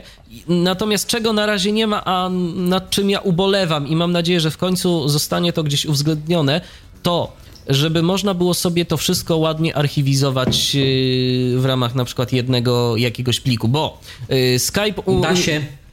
Da się już? Mm, Można archiwizować to, co... Problemy są z wideo, natomiast Store Audio to Disk, opcja No, no, audio zgraj to audio na działa. dysk jak najbardziej mm, Tak, ale czy desktop można też? Nie, no to No są właśnie. rzeczy dodatkowe, na które deweloper nie kładzie nacisku i ja go poniekąd rozumiem, bo to są rzeczy ekstra. I TeamTalk, jak sama nazwą No team, tylko to się właśnie The Voice czasami przydaje, jeżeli bym chciał no, zapisać sobie nagranie, w którym jest też wideo, a zapisze mi się tylko audio z jakichś Dokładnie. Akurat, akurat ja jestem w takiej sytuacji, żeby mi się bardzo taka opcja przydała. No i ja y, tak po cichu liczę, że w końcu się to pojawi, że można będzie archiwizować sobie właśnie mm, całość, czyli nie tylko obraz, nie tylko dźwięk, ale również i, i obraz jakiegoś, do, do jakiegoś pliku, na przykład właśnie z rozszerzeniem AVI albo, albo do czegoś podobnego, że to w końcu zostanie zrobione. Na chwilę obecną, tak jak wspomniałeś Patryku, i to się zgadza, y, TeamTalk umożliwia archiwizację y, plików y, audio z rozmowy i to jest jeszcze też ciekawe, że umożliwia archiwizację dwojaką. Tak. Tak, i nawet dwojaką Każdy- jednocześnie, za jednym zamachem. Żeby nie było. Czyli audio od każdego Bo- użytkownika w osobnym pliku, albo wszystko w jednym pliku. Tam od każdego użytkownika to mało tego. Jeśli na przykład używamy push to talk, tej opcji naciśnij by mówić, e, z każdej wypowiedzi tego użytkownika. Tak. W związku z czym po jednej w sesji otoczeniu zabawy wychodziły czasami z tego dość ciekawe. może się nam zrobić nagle na przykład 800 plików. Całe szczęście, że niezbyt dużych. No, ale to jest też Tak. jeszcze inna kwestia, bo domyślnie TeamTalk zapisuje do plików w postaci nieskompresowanej. To może Patryku słów kilka o tym, co zrobić, żeby on kompresował, bo to jest też istotne. E, da się skopiować mm, plik lame podkreślenie ends jak encoder.dll, czyli zwykły poczciwy lame mp3.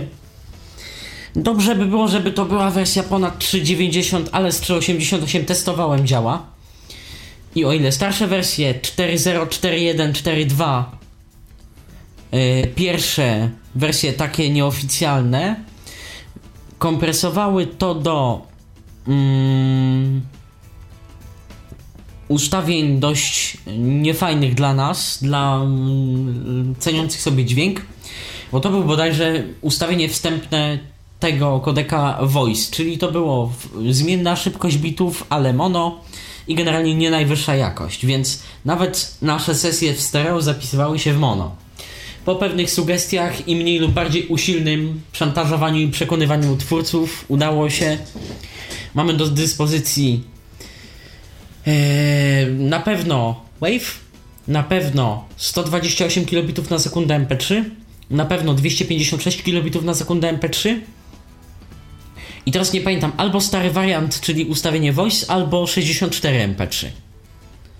Także to też może być komuś przydatne, jeżeli nie ma zbyt wiele miejsca, a chciałby archiwizować, e, no to jest. Wspomnieliśmy o tym, że TeamTalk umożliwia, e, jeżeli oczywiście administrator serwera na to się zgodził. 64 e, kilobity, przepraszam, że się wtrącę, mi właśnie sprawdziłem. Okej. Jeżeli administrator na to się zgodził, to publikację plików na tymże serwerze TeamTalka. Która już działa dość stabilnie, wreszcie została poprawiona i nie ma takich problemów. Przynajmniej ja się już nie, nie napotykam na takie problemy, mm, jak były w wersji 3 i we wczesnych fazach wersji 4. Czyli, że plik się nie do końca pobierał na przykład. Albo się nie do końca wysyłał, bo to działało w obie strony. Właśnie problem, problem w tym, że to pierwsze się zdarzało bardzo często, to o czym ty mówisz, Michale, się zdarzało rzadko. Ale było. Ale było, niestety. No ale no w każdym razie na podsum- szczęście poprawili. Podsumowując, myślę, program kierowany do trochę innych rzeczy. Umawiamy się jakoś inaczej po telefonu, po Skype'ie, po jakimś innym komunikatorze. Wchodzimy na tego TeamTalka o godzinie jakiejś tam i coś tam sobie robimy, no bo nie da się zadzwonić do użytkowników, natomiast, jakość Natomiast jest wiecie zdecydowanie co? wyższa niż... Wiecie co, jeszcze powiem o jednej ważnej rzeczy, która przez nas, yy, przez takich użytkowników, którzy z tego TeamTalka korzystają już przez pewien okres czasu, yy, I wręcz jest, nałogowo. Mm, dokładnie, jest pomijana, a ona jest bardzo ważna i to mm, ostatnio dało mi do myślenia. Otóż TeamTalk umożliwia wygenerowanie specjalnego pliku, dzięki któremu możliwe jest w nim zapisanie parametrów serwera. Konkretnego serwera. kanału, dokładnie, serwera, połączenia i tak dalej, i tak konkretnego dalej. kanału, konkretnych portów, konkretnego adresu i nawet mm, konkretnego użytkownika, bo teraz TeamTalk ma troszeczkę bardziej rozbudowaną kontrolę uprawnień. Więc Od to wszystko... efekt jest taki, że można dać powiedzmy na jakąś swoją stronę Można dać. Oj. taki link, który to link, I- jeżeli mamy zainstalowanego TeamTalka, spowoduje to, że użytkownik przejdzie na nasz To serwer. znaczy nie, to, je, to są dwie rzeczy. Tak. Możesz dać link możesz dać link, a możesz też mieć plik. Ja, y, czytając pomoc y, do TeamTalka, y, z tego co ja widzę, to y, URL, czyli ten link, który możemy wygenerować, ma nieco mniej parametrów. Chyba, że nie zostało to udokumentowane w pomocy. Y, tam możesz. Nie zostało udokumentowane, ale się da. Aha, no to już do, to dobrze wiedzieć, że jest taka możliwość, bo, y, bo jest możliwość właśnie stworzenia sobie takiego pliku i podesłania komuś mailem. Mm, On ma wtedy rozszerzenie bodajże TT. .tt Tak. Jak, jak TeamTalk. I wtedy wystarczy go dwukrotnie kliknąć i jeżeli TeamTalk, jeżeli TeamTalk jest e, zainstalowany w naszym systemie, to uruchomi się i połączy nas automatycznie. Natomiast można rzeczywiście na swojej stronie spreparować taki odpowiedni link e, i po kliknięciu w niego przeglądarka, no to już zależy od przeglądarki i od tego, jak jest ustawiona. Czasem nas zapyta, czy chce uruchomić, czasem od razu uruchomi. To już wygląda z tym różnie. Niemniej jednak to Właśnie naprawdę ułatwia. Ostatnio zauważyłem, że z przeglądarką Internet Explorer w wersji 6 i wersji 7 ym, kliknięcie na link do pliku TT niestety lub stety go otwiera. Jeśli jest to inaczej, to mnie poprawcie. Yy, na kilku systemach udało mi się niechcący połączyć się z serwerem, wejść na pewien kanał, mimo że chciałem tylko pobrać plik w celu zobaczenia jego parametrów połączenia. A to wiesz co, to też może wszystko wynikać z konfiguracji. To, to jest różnie. Ja już tyle przeglądarek ró- różnie skonfigurowanych widziałem, że ja się sam zaczynam gubić, jak i co działa, więc po prostu wolę uprzedzić. Też. Wolę uprzedzić naszych słuchaczy, że może, to, że może to po prostu działać różnie. Niemniej jednak no, jest to ułatwienie dla tych, którzy nie wiedzą, co to host, co to port, co to jakiś tam użytkownik, hasło i tak dalej, i tak dalej, bo naprawdę niektórych to po prostu przerasta. Natomiast myślę, że może, można by zdradzić, że mm, w najbliższych dniach albo tygodniach ukaże się podcast o zaktualizowany o TeamTalku. Dokładnie, więc jeżeli ktoś jest zainteresowany tym, jak to wszystko wygląda, jak to działa, to prosimy czekać cierpliwie, a Należy wasza ciekawość śledzić. zostanie zaspokojona. Zostanie z pewnością. Dobrze, to myślę, że o TeamTalku tyle. Yy, Skoro jesteśmy przy takich mm, programach do komunikacji między wieloma użytkownikami, yy, to dodajmy, że TeamTalk nie jest jedynym programem, który umożliwia komunikację wielu nie, osób w tym kilka. samym czasie. Natomiast, yy, no chyba jest on najbardziej dostępny, prawda? Myślę, że tak. Najprostszy może, najbardziej taki intuicyjny, przynajmniej mi się tak wydaje. Najmniej ma tych kontrolek w y, głównym oknie, on służy rzeczywiście do gadania i do, nie, do niewiele Ale myślę, więcej. że najbardziej dostępny też z racji fali QT nadciągającej, w którym No teraz tak. większość tych programów jest. O których zaraz nawet powiemy mniej lub bardziej dokładnie, ale, ale większość z tych, nawet te tych pro- programów... I nawet te programy są zazwyczaj bardziej popularne niż TeamTalk. Dokładnie. Tak w ogóle. Wśród Może to właśnie z tej zaawansowanej specyfiki. TeamTalka wynika i z tego takiego, wiesz co chcesz, to pobierasz TeamTalka i korzystasz, a, a te programy mają tu jakiś kreatorek, tu jakieś ustawienia wstępne, tu jakiś pomocnik. Aczkolwiek TeamTalk też ma te pomocnika programy- i ustawienia wstępne. No przecież ten kreator Tak, ale to jest... jest bardzo E, taki... TeamTalk ma, ma tych ustawień na zasadzie jeśli ktoś chce, No w każdym razie te programy, czyli powiedzmy jakieś Ventrilo, TeamSpeaki, Mumble i inne takie, to mają jakieś serwery od gier różnych, przecież bo w tych grach się tak naprawdę najwięcej chyba wykorzystuje Dokładnie, dokładnie tak. Nawet są takie klawiatury chyba specjalne, które mają jakieś wsparcie właśnie dla tych komunikatorów najpopularniejszych. No dla graczy to Są. najpopularniejszy jest TeamSpeak, jak dobrze pamiętam. Możliwe, którym możliwe, że TeamSpeak... albo już jest, albo miał być wprowadzony CELT. Niestety w bardzo lichej Chyba jest. konfiguracji Chyba jest. jest. Jest CELT na pewno, bo Chyba jest. TeamSpeak jest dostępny na system iOS. No proszę. I tam E, jest, CELT. tam jest nawet jakoś to dostępne, tylko że na iOS-ach, przynajmniej jak ja to testowałem to na czwórce, na iPhone, na iPodzie 4, czyli 1 giga procesor pojedynczy. No to on się grzał, mulił i to chodziło tak. No, z voiceoverem przynajmniej.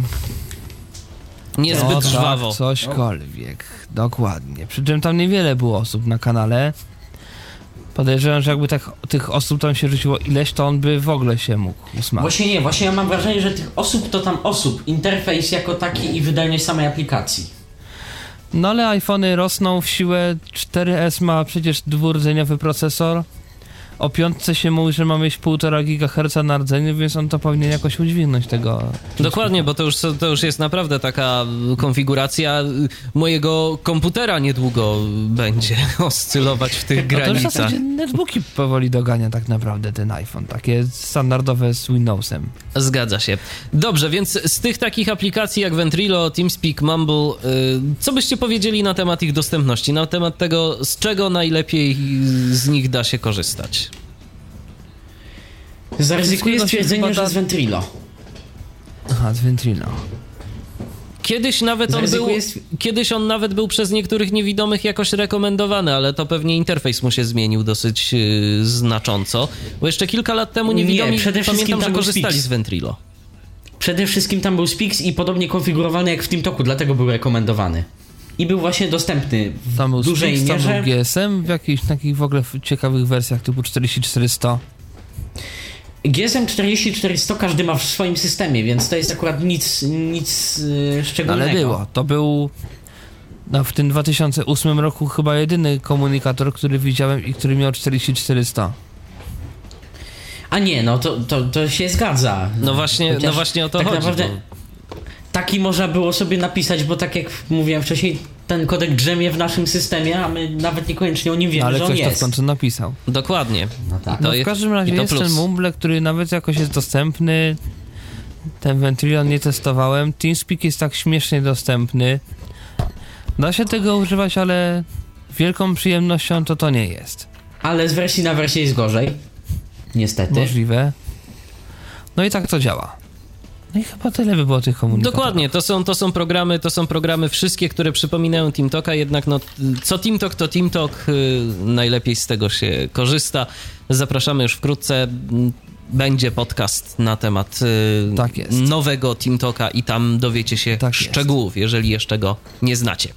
A teraz y, przejdźmy do kolejnej gałęzi programów, czyli programów, no, które myślę, że mogą być przede wszystkim używane właśnie czy przez radiowców, czy przez dźwiękowców, które to już są programy naprawdę mm, ciekawie zrobione, które też oferują bardzo fajną jakość dźwięku.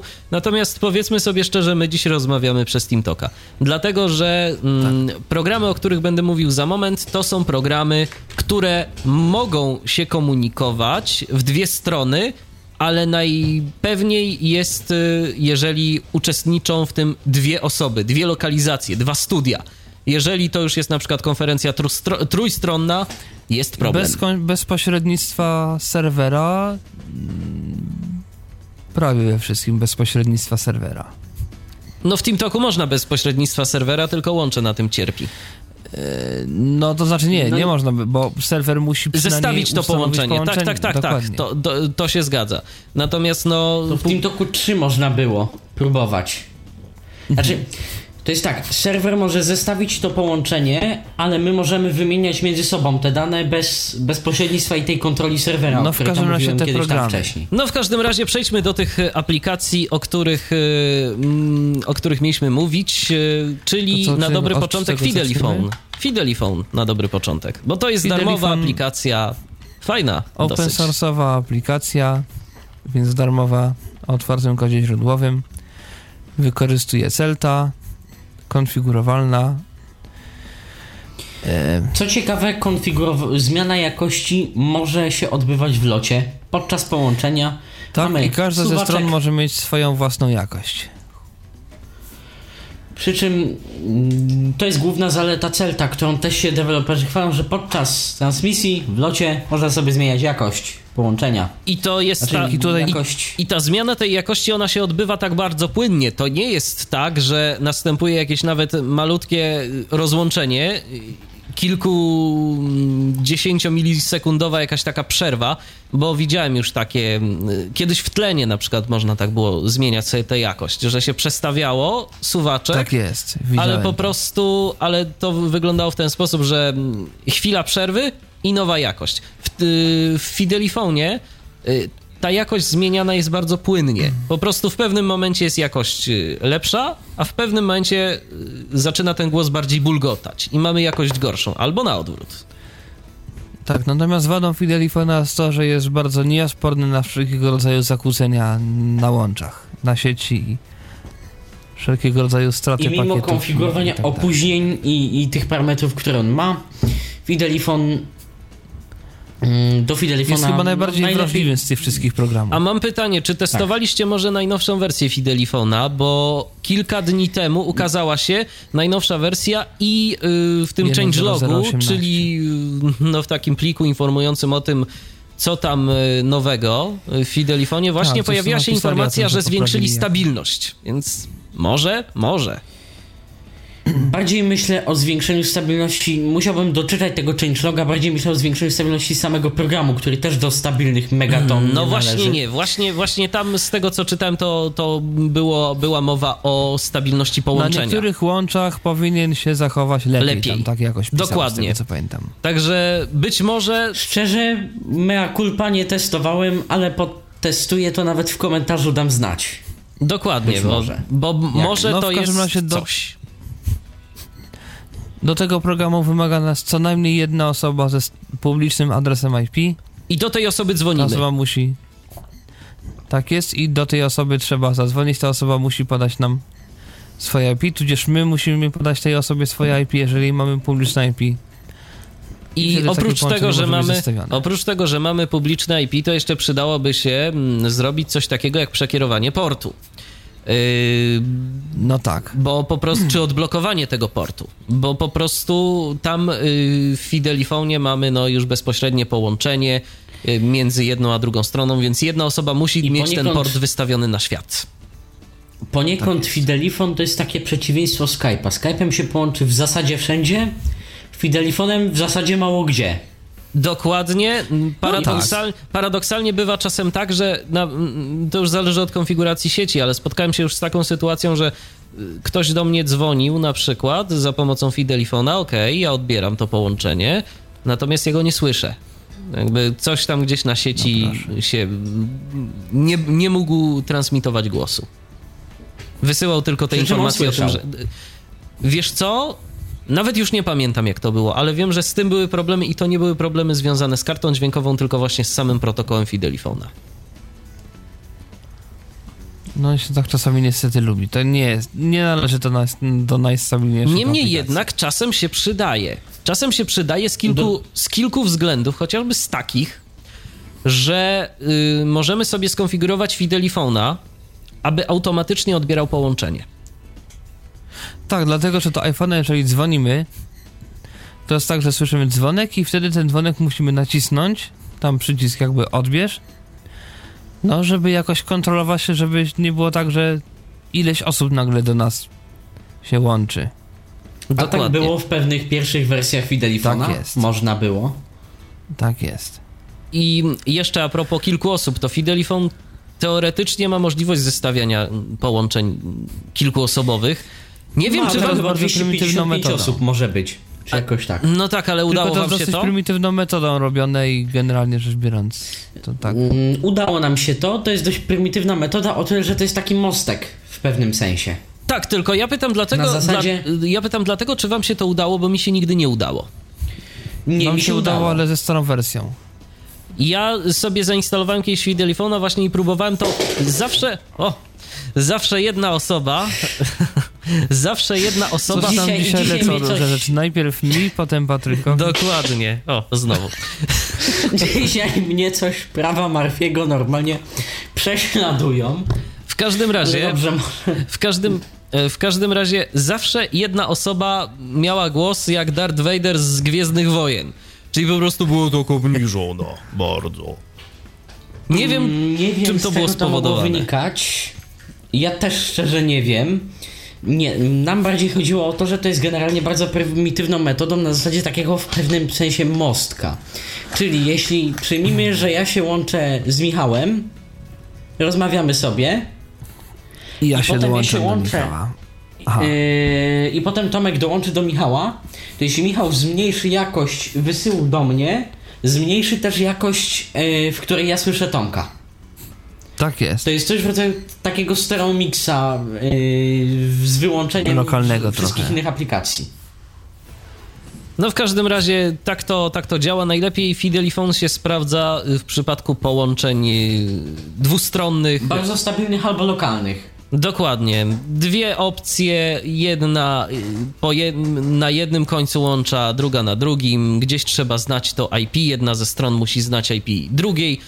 Y, Wpisuje sobie, konfiguruje i może dzwonić i można działać. To się przydaje no chociażby do tego, żeby połączyć ze sobą dwie lokalizacje, na przykład dwa studia y, jakimś takim linkiem, jeżeli mamy dosyć stabilne łącze między tymi lokalizacjami, to można mm, sobie w ten sposób radzić. Jeżeli nie stać nas na kolejną aplikację, o której będziemy mówić, bo to jest aplikacja. Ja nie twierdzę, że ona jest warta A swojej jest ceny. to dosyć prawdopodobne, że będzie nas nie stać. Dokładnie. Ona moim zdaniem nie jest warta swojej ceny. Moim zdaniem to, to jest po prostu przesada yy, w sprzedawaniu tej aplikacji za, za tę cenę, yy, gdzie tak naprawdę licencja kosztowała, pamiętacie ile? Tysiąc... 500 funtów w jedną stronę, za jedną kopię. Dokładnie, a potrzebne nam są dwie kopie. Mm, 500 Czyli funtów spokojnie ponad 5000 można na ten program wydać. Dokładnie, Żeby to mowa- na dwóch studiach. Mowa o aplikacji, O która nazywa się Audio TX AudioTX. Audiotakes. Dokładnie. Audio- Oczywiście. Tylko, że to jest rzeczywiście aplikacja profesjonalna, która jest już rzeczywiście... Znaczy, oczywiście też trzeba mieć przekierowane porty, powiedzmy, mieć publiczne IP. Właśnie tu bym się Czy nie? zastanawiał, Tomek. Tu bym się zastanawiał, bo ona to nie jest chyba takie mistrzostwo świata jak Skype, że ona przez wszystko przejdzie, ale tam jedna Mhm. osoba, obojętnie która musi mieć przekierowany port i on albo zrobi yy, 1-2-1 albo 2-1-2 yy, połączenie po prostu wtedy. Albo na, przyjmijmy, że ty masz odblokowany port Tomku, to albo on zrobi yy, do ciebie pakiety, od ciebie ja odbieram i znowu do ciebie, albo, albo, albo na odwrót. W zależności kto ma odblokowany port i on będzie działał. AudioTX znosi trudne No warunki. w każdym razie on jest już odporny na różnego rodzaju pogarszające się warunki na łączach. On ma nawet trzy takie profile. Yy, W zależności od w tego, czy bardziej, nawet nam, cztery. czy bardziej nam zależy na yy, stabilności łącza, czy na małym opóźnieniu. On ma kilka formatów dźwiękowych. Ma MP3, żeby było ciekawiej. Żaden CELT, żaden Spix, tylko Tak. MP3. To jest MP3 w czasie rzeczywistym, czyste MP3. Fakt, że dość szybkie i tak ustawione troszeczkę po łebku, ale to jest MP3. I się da. Tak. Da się. Tak, plus Wave, czysty Wave, więc jakoś w ogóle bezstratna. No i oczywiście 1,5 megabita jest potrzebne. I plus w najnowszej wersji, tak, aptX taki format, śmieszny. aptX i MP2 jeszcze. No i ten aptX tak, to jest MP2. nawet w jakichś dwóch odmianach, jak dobrze pamiętam. Enhanced i, i standard. One się niewiele różnią w wysyle i w odbiorze. To musi być. Mm, AudioTX jest w ogóle o tyle ciekawym programem, że on wysyła w zasadzie wszystko. On jest poniekąd odwrotnością TeamTalka. On wysyła po TCP z lekką wstęgą ułatwiającą mu pracę i ewentualnie zmniejszającą opóźnienie, gdy można i gdy tak jest skonfigurowany UDP. Tu pakiet musi dojść, jeśli nie, transmisja się przerwie niczym buforowanie radia na, na słabych łączach internetowego. I jako jeszcze jedną ciekawostkę, ten program również potrafi korzystać ze sterowników ASIO, czyli takich sterowników dedykowanych tworzeniu muzyki, niskoopóźnieniowych i tak dalej, w związku z czym nie ma problemów z zaawansowanymi kartami muzycznymi. I jeżeli chodzi w ogóle o samą pracę na kartach muzycznych, to dosyć ciekawie i nietypowo jak na aplikację, przynajmniej korzystając z Windowsa XP, wybiera się w tej aplikacji źródło dźwięku, bo tam mamy taką jedną wielką, dużą listę wszystkich urządzeń dźwiękowych w naszym systemie. Nie ma podziału jakby na karty, to znaczy one są jakby pogrupowane według kart, ale wygląda to w ten sposób, że mamy stereo mix na przykład karty zintegrowanej, linię karty zintegrowanej, mikrofon karty zintegrowanej, a na przykład później mamy mikrofon karty dodatkowej, linię karty dodatkowej i tak dalej, i tak dalej. Względnie na przykład jeśli wybieramy standard ASIO, to mamy kanał 1, kanał 2 karty pierwszej, kanał 2, kanał 3 karty pierwszej i tak dalej, czyli, czyli to już te bardziej zaawansowane ustawienia. Plus bufory wysyłu i odbioru, plus włączana lub wyłączana konwersja szybkości próbkowania, co się czasem przydaje.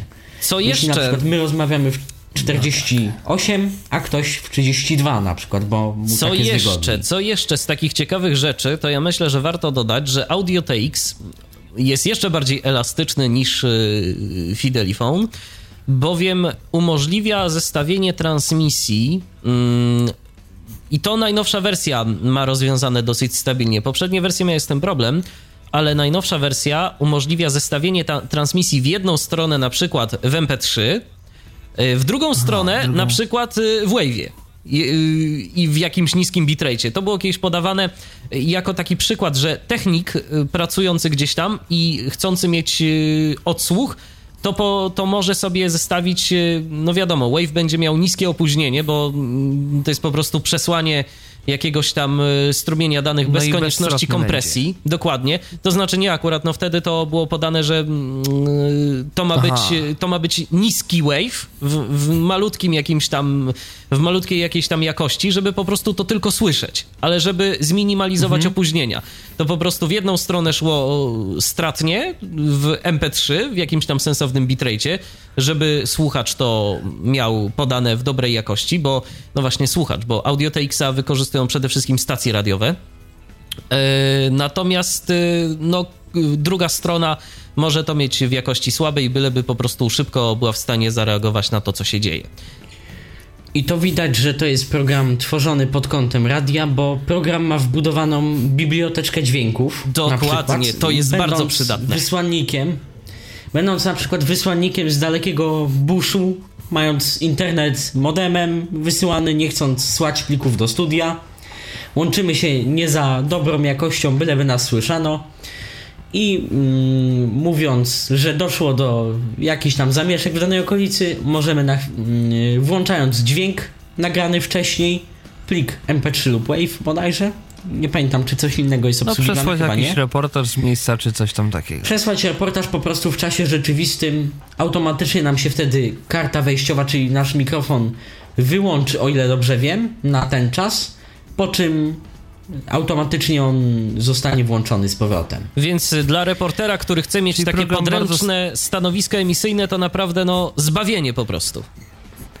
Przy czym funkcja. malutki, ponad chyba 1 mega, oczywiście bardzo dobrze dostępny, bez żadnych problemów, żadnego QT nie ma, żadnego... Właśnie Dokładnie. starsze wersje mają troszkę problem z niepoetykietowanymi przyciskami, Ale, ale, nowa wersja, wersja 1.5 bodajże, która jest najnowsza, yy, nie wiem czy się coś zmieniło, yy, to naprawdę no jest można powiedzieć wzorem dostępna. dostępności. Tak, bardzo ładnie. Ja już ym, z racji tego, czym się ym, zajmuję i interesuję, przetestowałem sporo programów yy, związanych z radiem. Ja bym sobie życzył, żeby wszystkie były tak dostępne jak y, Audio TX No tak. Communicator. Może niekoniecznie, żeby wszystkie tyle kosztowały, ale, ale dostępne by mogły być. Ale rzecz, rzeczywiście która- to jest program zrobiony starannie i dokładnie tak, jak powinien być zrobiony komunikator taki do radia, moim zdaniem.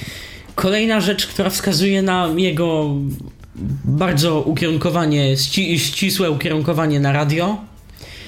Przy ustawieniach połączenia, tam w ogóle mamy coś w rodzaju kontaktów, takich pseudo, to są adresy i lokacje naszych studiów na przykład, możemy sobie to tak ustalić.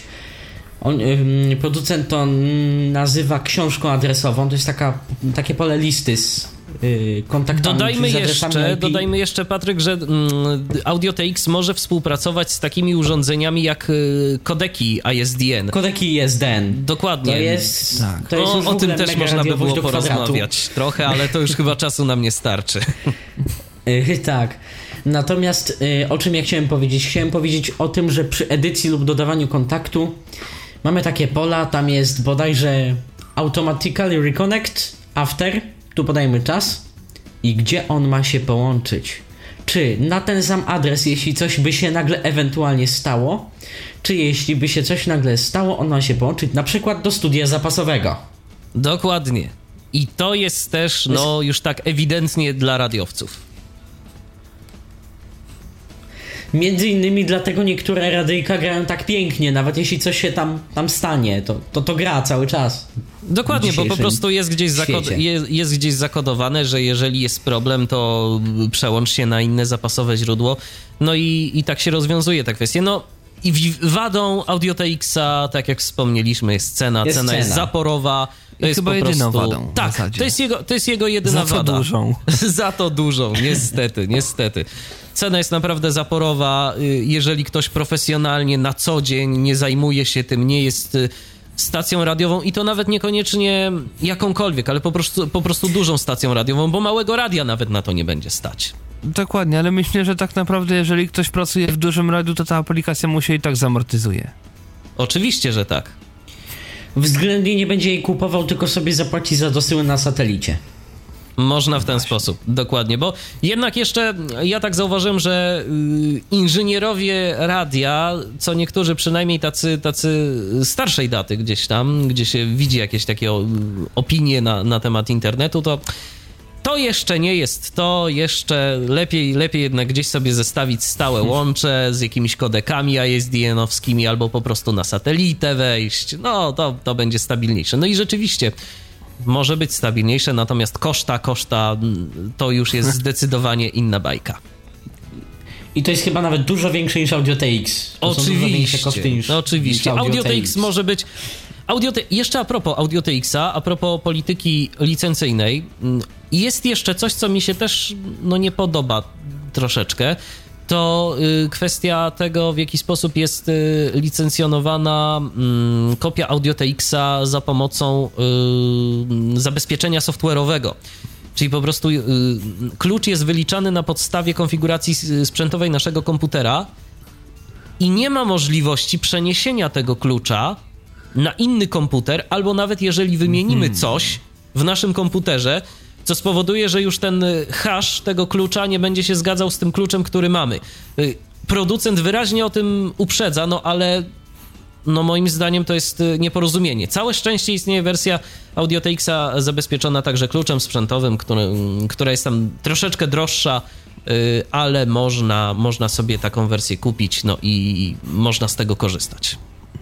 Jak komuś zależy, to i tak kupi, i tak kupi. Dokładnie, dokładnie, bo no te pro, tego typu aplikacje kupuje się tylko i wyłącznie w sytuacjach, kiedy na tym się zarabia. No, innego wytłumaczenia nie widzę. Chyba, że ktoś jest naprawdę jakimś bardzo wielkim radiowym hobbystą i, i chce mieć wszystko, co z radiem związane. No i ma też oczywiście dosyć zasobny portfel. Pieniądze. Oczywiście. Dobrze, przejdźmy do y, ostatniej grupy aplikacji, mm, o których dziś będziemy mówić. Ja myślę, że przedostatniej. Przedostatniej? Okej, no to dobrze. To teraz, jak rozumiem, y, będziemy mówić o aplikacjach już nie dla radiowców, ale bardziej dla Tylko dla muzyków. muzyków, tak? Dokładnie. Ja znam przynajmniej takie aplikacje dwie. Y, Pierwsza, starsza, Ninjam to się nazywa. Mm, Firma Kokos, ta sama co potem się wzięła za Reapera. Polega to na tym, że można albo też jest komunikacja klient-serwer, więc trzeba mieć albo serwer, albo połączyć się z serwerem producenta, albo jakimś tam innym. I teraz tak. W związku z tym, że to jest do muzyków i to się Ninjam nazywa, aplikacja typowa do jamowania. A co to jest Dlaczego do? Jamowanie ogólnie rzecz biorąc to coś takiego, że się zbiera paru muzyków i grają sobie coś. Co im się Tak sobie podoba. grają. I teraz chodzi o to, że mm, jest między innymi tam wbudowany metronom i opóźnienie jest synchronizowane z metronomem. I jest podawane w taktach. Na przykład są dwa takty opóźnienia. Bo zazwyczaj w, na takim jamowaniu to wygląda tak, że jest sobie jakiś taki standardowy schemat, który zajmuje tam ileś, właśnie jakieś tam 2-4 takty. To się nie zmienia i wszyscy sobie tam grają. W związku z czym, jeżeli mamy opóźnienie właśnie takich dwóch taktów, no to każdy jeden sobie tam może grać i to wszyscy słyszą bez opóźnień poniekąd. Znaczy synchronizowane z tempem, no tylko tyle, że jakby od ten jeden schemacik później niż sami grają. Co jest jeszcze Z ciekawe w ciekawostek, przypadku Ninjama, no właśnie. to jest to Ciekawe, program wielokanałowy. samym. A to nie, to nie o Po tym pierwsze, jest to program wielokanałowy, to znaczy każdy z nas może wysłać tam kilka kanałów audio, do 32 bodajże. Aplikacja działa tylko i wyłącznie ze sterownikami ASIO. To jest takie coś... W przeciwieństwie do całej reszty omawianej dziś, Tak. y, omawianych dziś aplikacji, które mają to raczej jako tylko dodatki. Tak. No A jeżeli mają- W związku z tym, że jest który- dosyć stara, korzysta z formatu OGG, a nie CELT, bo CELTA wtedy, kiedy ten program powstał jeszcze nie było i to jeszcze długo, długo go nie było. Koło każdego użytkownika są przyciski mute solo, czyli taka terminologia cośkolwiek bardziej muzyczna niż taka zwykła. I przy każdym kanale, w zasadzie nawet nie każdym użytkowniku, tylko każdym kanale każdego użytkownika można go skierować do jakiegoś gdzieś w panoramie na lewo, na prawo albo gdzieś tam jeszcze. Można wyciszyć albo można dać na nim solo, czyli żeby tylko to było słyszalne. Ten kanał tego użytkownika. Z ciekawostek, które mi się przypominają, mm, nie wiem czy się ze mną zgodzisz, ale tam jest dość ciekawy system ustawień tego wszystkiego. Mam na myśli to głosowanie. Głosowanie? Tak, Nie pamiętam. Ninja ma czat tekstowy, na którym to czacie oprócz pisania sobie frywolnego między taktami muzyki yy, jest nie za bardzo rozbudowany, aczkolwiek opisany w pomocy system komend. Na przykład do zmniejszania, zwiększania tempa metronomu względnie zmiany metrum. Yy, ale musi się zgodzić bodajże 75 albo wszyscy 75% albo wszyscy obecnie dżemujący. Nie pamiętam jak to jest, to się wpisywało komentę odpowiednią. Że, że się jest za tak lub A to za nawet nie. nie wiedziałem. Więc y, to taki program rzeczywiście typowo dla muzyków. Y, Czy spotkaliście się z sytuacją, w której ktoś by wykorzystywał to jakoś inaczej? Na przykład, nie wiem, postawił sobie serwer i chciał sobie tak Powie- zwyczajnie Z porozmawiać? Powiem tego tak. co wiem, kiedy jeszcze TeamTalk był w wersji 3, to niejaki możliwe, że znany mm, komuś Andre Luis korzystał z mm, Ninjama ustawionego jakoś tam specjalnie, żeby miał jak najmniejsze opóźnienia do gadania z kimś po prostu w stereo, kiedy nie było innej możliwości. Ale czy to jest do tego dobre? To znaczy, czy tam są takie opóźnienia porównywalne z TeamTalkiem, czy... Czy jednak Chyba nie trochę? TikTokiem- większe, Troszeczkę większe. Troszkę chyba większe. trochę większe. Bo samo opóźnienie kodeka OGG to jest coś koło 200 milisekund. Poza tym tamta jakość tego kodeka była trochę niska w porównaniu do tego, co jest, zwłaszcza w nowym jak to można ustawić. Bo tamten OGG nie był prawie w ogóle, chyba w ogóle nawet nie był ustawialny, więc no to było takie, On no był trudno. śmiesznie ustawiany. Nie ma co się lubi, to się lubi, co się ma troszeczkę. Nie, on Teraz był śmiesznie ustawiony na zasadzie jak było dużo użytkowników, to się zmniejszał sam. Aha, to może. No w każdym razie tak to działa. Więc jeżeli ktoś ma Azio, bo to też jest jeszcze istotne, mm, jeżeli ktoś ma Azio i chciałby sobie pograć, orientujecie się, czy jeszcze ludzie z tego korzystają? Tak. y, Oczywiście. Tak, są jeszcze ludzie. Że w ogóle, żeby było ciekawiej, na przykład na stronie Ninjama można posłuchać w zasadzie wszystkich tych gemów, które się tam przez ten serwer przewinęły, Przewinęły. od lat paru. Więc oni tam muszą mieć parę terabajtów miejsca na dysku, bo to musi trochę zajmować. Ale to wszystko jest przez cały czas rejestrowane. To mamy swojego nika i wyszukując na przykład w pole edycji nika jakiegoś, ja znalazłem na przykład swoje jakieś gemy z 2009 roku, czy tam 10. Niedawno. No proszę. I wszystkie te dżemy, jak dobrze pamiętam, są na y, licencji Creative Commons, więc y, można sobie. Tak, w ogóle tam jest cały taki system głosowania, że można pobrać. głosować na jakiś tam najlepszy, najgorszy. No to jest jakoś tam społecznościowo zrobione nawet.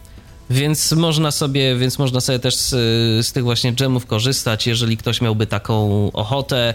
Albo po prostu posłuchać, albo, albo coś y, jakoś z tym ewentualnie Pograć. zrobić. Dokładnie, pograć też sobie można, a jakże, jeżeli ma się mm, odpowiednie, odpowiedni sprzęt, odpowiednie oprogramowanie, I predyspozycje i chęć. no właśnie, z predyspozycjami to też jest, to też jest różnie.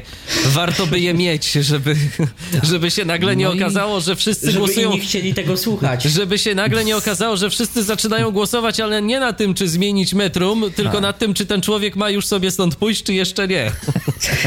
Złote maliny. Dokładnie. Złotem. No więc teraz y, następna rzecz, następna aplikacja, no to LLCon, LLCon, właśnie. program Teoretycznie to samo. Tylko No właśnie nie do końca to samo. Program też open source'owy, dostępny na SourceForge'u. Też korzysta z Azure, ale tutaj producent Tylko? wyszedł z innego założenia. Jak najmniejsze opóźnienia. Niech to się nawet trochę tnie, ale jak najmniejsze opóźnienia. I tu są rzeczywiście najmniejsze opóźnienia, jakie widziałem. To trzeba trochę dokonfigurować, bo w standardowym ustawieniu te opóźnienia są takie dziwne. Mam wrażenie, że tam gość przesadził w pewnym momencie. Chyba. Tylko ja też tą wersję pobrałem jakiś czas temu. W każdym razie, przy odpowiednim ustawieniu można mieć rzeczywiście na w miarę stabilnym łączu opóźnienia mniejsze od Skype'a. A jakość lepszą. Bo, y, Jakość, Jakość- lepszą, tam jest celt, ale to on też nie jest ustawialny za bardzo. y, on jest ustawiony czy mono stereo i on jest ustawialny y, niska, wysoka jakość. Niska to jest chyba 96, wysoka to jest też około 160 kilobitów, jeśli dobrze pamiętam. Chyba, że się coś zmieniło. No u mnie z racji stabilności Program napisany w łącza... QT, ale jakoś tam nawet dostępny. I tu jest y, jeszcze a propos tego, tej aplikacji, y, jest jeden plus ym, i myślę, że to dosyć istotny, bo tam jest lista serwerów. Y, Można sobie samemu też gdzieś ten serwer postawić, jak dobrze pamiętam, ale też jest lista i tam sobie wybieramy, do którego serwera się chcemy połączyć. Czegoś Z takiego mi tego, trochę brakuje w pamiętam, TeamTalku. Jest.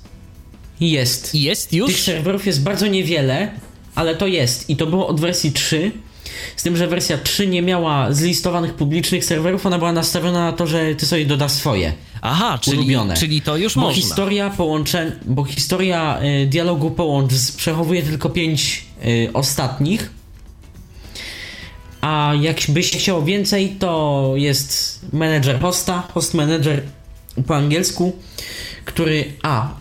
listuje te serwery, B. umożliwia łączenie się z y, serwerami publicznymi, widząc jednocześnie w polach edycji wszystkie ustawienia tego połączenia, także w razie czego, gdyby się nam na przykład chciał połączyć z głównym kanałem w TeamTalku, możemy to sobie wykasować. I tam jest właśnie ten generatorek plików TT. A to się zgadza. On tam, on tam jest i tam można sobie go wygenerować. Ale to jest właśnie, no to to jest, to, to dobrze, że o tym mówimy, bo mam takie wrażenie, że nasi słuchacze mogli odnieść takie wrażenie, że w zasadzie nigdzie nie wiadomo, gdzie te serwery TeamTalka są. Y, Że, że za bardzo nie wiadomo, gdzie ich szukać, a no można, można się w ten sposób posiłkować. Ewentualnie jest jeszcze taki. Trudno to nazwać programem, ale powiedzmy, że to nazwę programem. Taki, który mi nada, naprawdę niedawno wpadł do głowy. Czyli wtyczka VST od tych samych państwa, co robią Reapera. Czyli Restream. To jest wtyczka VST. Tak krótko, bo, bo o tym nie no ma co. tak, to o tym można powiedzieć. To jest wtyczka VST, oczywiście darmowa, ale już nie, otwart, nie, nie, nie ma kodu otwartego, która wysyła sygnał w Wave'ie, tylko że Wave'ie 32-bitowym. Pomyślane to jest tak, żeby to wysyłać przez e, sieć LAN głównie. Czyli mamy powiedzmy sobie dwa komputery w jakimś jednym pomieszczeniu, w jakimś jednym budynku, w którym jest jakiś router, w jakimś studiu, w którym mamy jakieś tam różne pomieszczenia w tym studiu, różne komputery. I chcemy z jednego komputera do drugiego taki sygnał przesłać. I ta wtyczka właśnie po to jest. Natomiast jeżeli te szybkości internetu będą tak rosły, jak, jak rosną. Aha, no i oczywiście można wysyłać wielokanałowy dźwięk tą metodą Do 8 kanałów. do 8, a nie więcej. No nic, nawet jeżeli 8, W no wersji tego standalone do trochę. 8, w Reaperze chyba do 32 nawet. No właśnie. W związku z czym tak trzeba mieć na kanał stereo coś około ilu? Około 3 400, megabitów? 400 kilobajtów, czyli, czyli 5 No 4, no nie, za 4 megabity, no trochę ponad 3 megabity generalnie rzecz biorąc. Trzeba mieć łącze, którego zazwyczaj jeszcze niestety domowi użytkownicy nie posiadają, bo Nie mówimy o wysyłce. Niestety u nas y, w dalszym ciągu te łącza Tak. są bardzo asymetryczne, czyli mamy duży download, duże prędkości pobierania, a wysyłka... Tych co niestety. lepszych jakiś tam w tej nowej technologii chociażby mm, naszego narodowego operatora względnie tych y, kablowych sieci w tych najwyższych prędkościach, myślę, że można było się po tym połączyć. No myślę, że tak, ale to tak jeszcze na styk. Miej- Miejmy nadzieję, że za jakiś czas będzie z tym lepiej. To tak jako ciekawostka. A jak skomplikowana jest konfiguracja tej wtyczki? Tak jeszcze zapytam. jej w zasadzie Nie nie, ma. skomplikowana. To jest podanie celu. I Dokładnie. transmisji, Podajesz mu IP, wysyłać, podajesz mu ilość odbierać. kanałów. Jako ciekawostka wtyczka wysyła oprócz audio MIDI. Więc można sobie zdalnie sterować jakąś, jakąś na przykład, nie wiem, jakimś yy, syntezatorem, tak? MIDI. Tak, i my to już kilka razy wykorzystywaliśmy. Ja grałem na syntezatorze, na kilku syntezatorach, kilku w Polsce, jednym syntezatorze w Rosji, żeby było ciekawiej. Yy, To było wszystko puszczane potem przez TeamTalka. Ja wysyłałem MIDI do tego syntezatora albo po tej wtyczce, albo po takim programie MIDI Vianet, bo też jest taki program do wysyłania MIDI. Dosyć Stary stary, w ogóle z jak świat. 90 chyba jeszcze w ogóle 9 roku bodajże. No i cóż, no i dało się w każdym razie. Były trochę opóźnienia, ale przynajmniej sprawdzić brzmienia jakieś tam, jak się pliki MIDI, jakieś SMF z internetu odtwarzały, to się dało sprawdzić. No to jest kolejne dosyć ciekawe zastosowanie mm, takich programów, no już w połączeniu właśnie, właśnie z aplikacjami mm, MIDI, z aplikacjami dla muzyków już e, ewidentnie, no bo zresztą o tym teraz rozmawiamy, o aplikacjach dla muzyków. Ty jeszcze, Patryk, wspominałeś o tym, że, że jeszcze jakąś kategorię warto by zahaczyć. No, aplikacje typu push to talk, jak ja to nazywam. A właśnie. Czyli aplikacje, w których mm, jest duża dowolność, jeśli chodzi o techniki łączenia i o to, co one posiadają. Bo taka najbardziej znana wśród niewidomych, szczególnie w Polsce, to jest, to jest Lowtox. Lowtox jest dostępny na BlackBerry, na Androida i na mm, Windowsa. To chyba teraz jakoś tam zmieniło nazwę. Na jakąś taką śmieszną, nie pamiętam jej. Tak, taką w ogóle zupełnie nie, nie kojarzącą się. Tak. To jest program mm, porównywany do internetowej krótkofalówki. Tak, mm, tak, takie w Polsce się z nim skojarzenie przyjęło. Chodzi o to, że w przypadku akurat Lowtoxa, podam na konkretnym przykładzie może, bo tym się bawiłem najwięcej. Łączymy się z serwerem, gdzie zakładamy sobie konto, troszkę jak w Skype'ie i gromadzimy sobie na liście kontakty. Jakichś swoich znajomych, czyli, czyli niki, też które sobie wcześniej założyły konta na tym komunikatorze. I nie mówimy bezpośrednio, nie rozmawiamy tak jak my sobie tu teraz, że wszyscy wysyłamy dane i wszyscy je odbieramy. Tylko tam przyjmijmy, że ja mówiąc do Tomka nie mogę słuchać innych ludzi, przy czym mówię prawie w czasie rzeczywistym. Na zasadzie, gdy ja nagrywam wiadomość 40-sekundową, ona tak w celu bardziej poprawnego wysłania jest gdzieś tam dopiero w 20 sekundzie mojego mówienia jest wysyłany jej tam początek. Więc to jest dość duże opóźnienie, ale celowe i świadome, bardzo zmienne, w zależności od obciążenia serwera i ilości wiadomości do odegrania i do wysłania. Mm, Te aplikacje najczęściej używają Spixa, bo to nie tylko Loadtox, nie tylko Loadtox jest, wiele jest takich aplikacji na Androida i na iOS.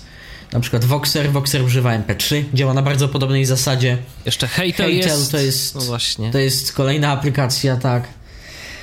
CB Radio jest na Androida, to jest takie, taka specyficzna aplikacja, bo tam jest.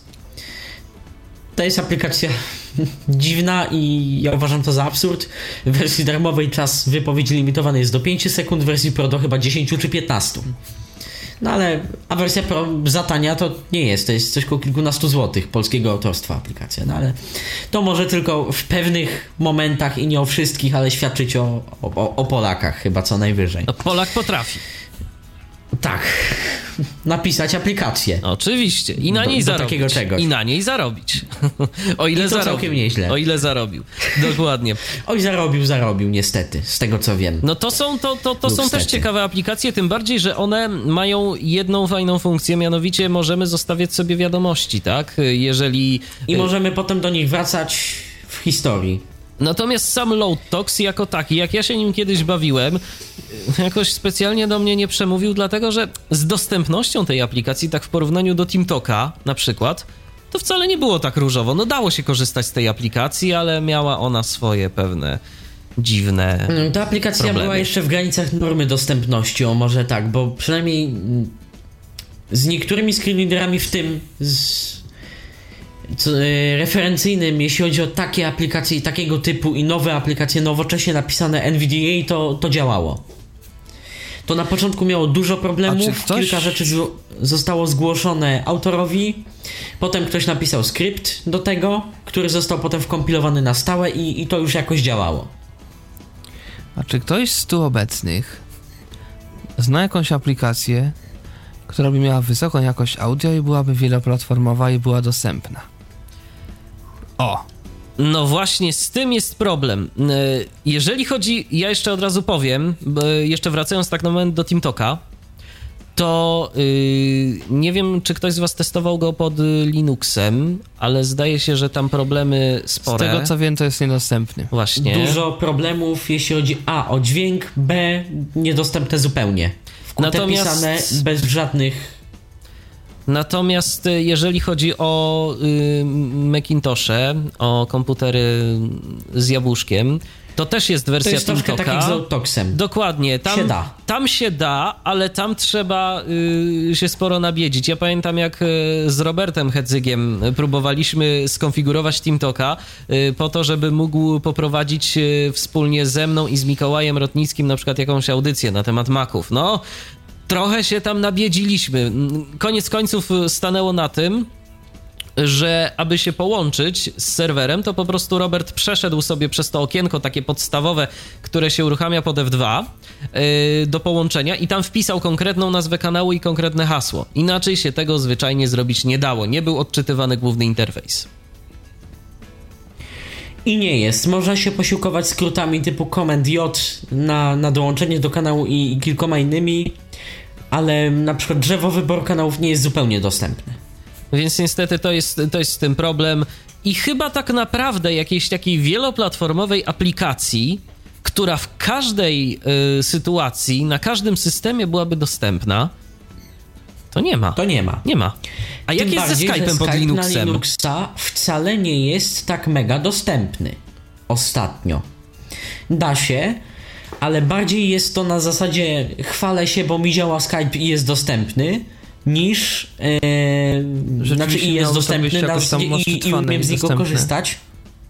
I intuicyjne, i szybkie, i wygodne. No to niestety, to, to już nie jest to. Kiedyś podobno się tam dało, ja się wtedy nie bawiłem Skype'em na Linuxa. Mm, No teraz jest to w zasadzie niemożliwe. Zresztą Ludzie na Maca też że- różne opinie są o Skype'ie, jeżeli chodzi o y, jego dostępność. Wcale nie jest z tym tak y, jakoś specjalnie I różowo, no ale pod, też wcale nie jest tak świetnie.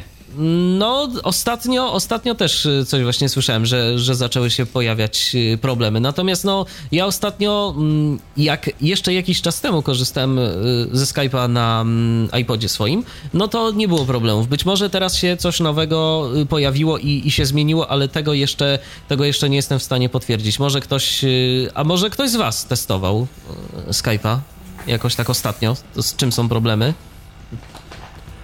Ale na czym? Na iOSie. Na iOSie. No ja, Ja, właśnie dopiero jakoś- będę nie. testował.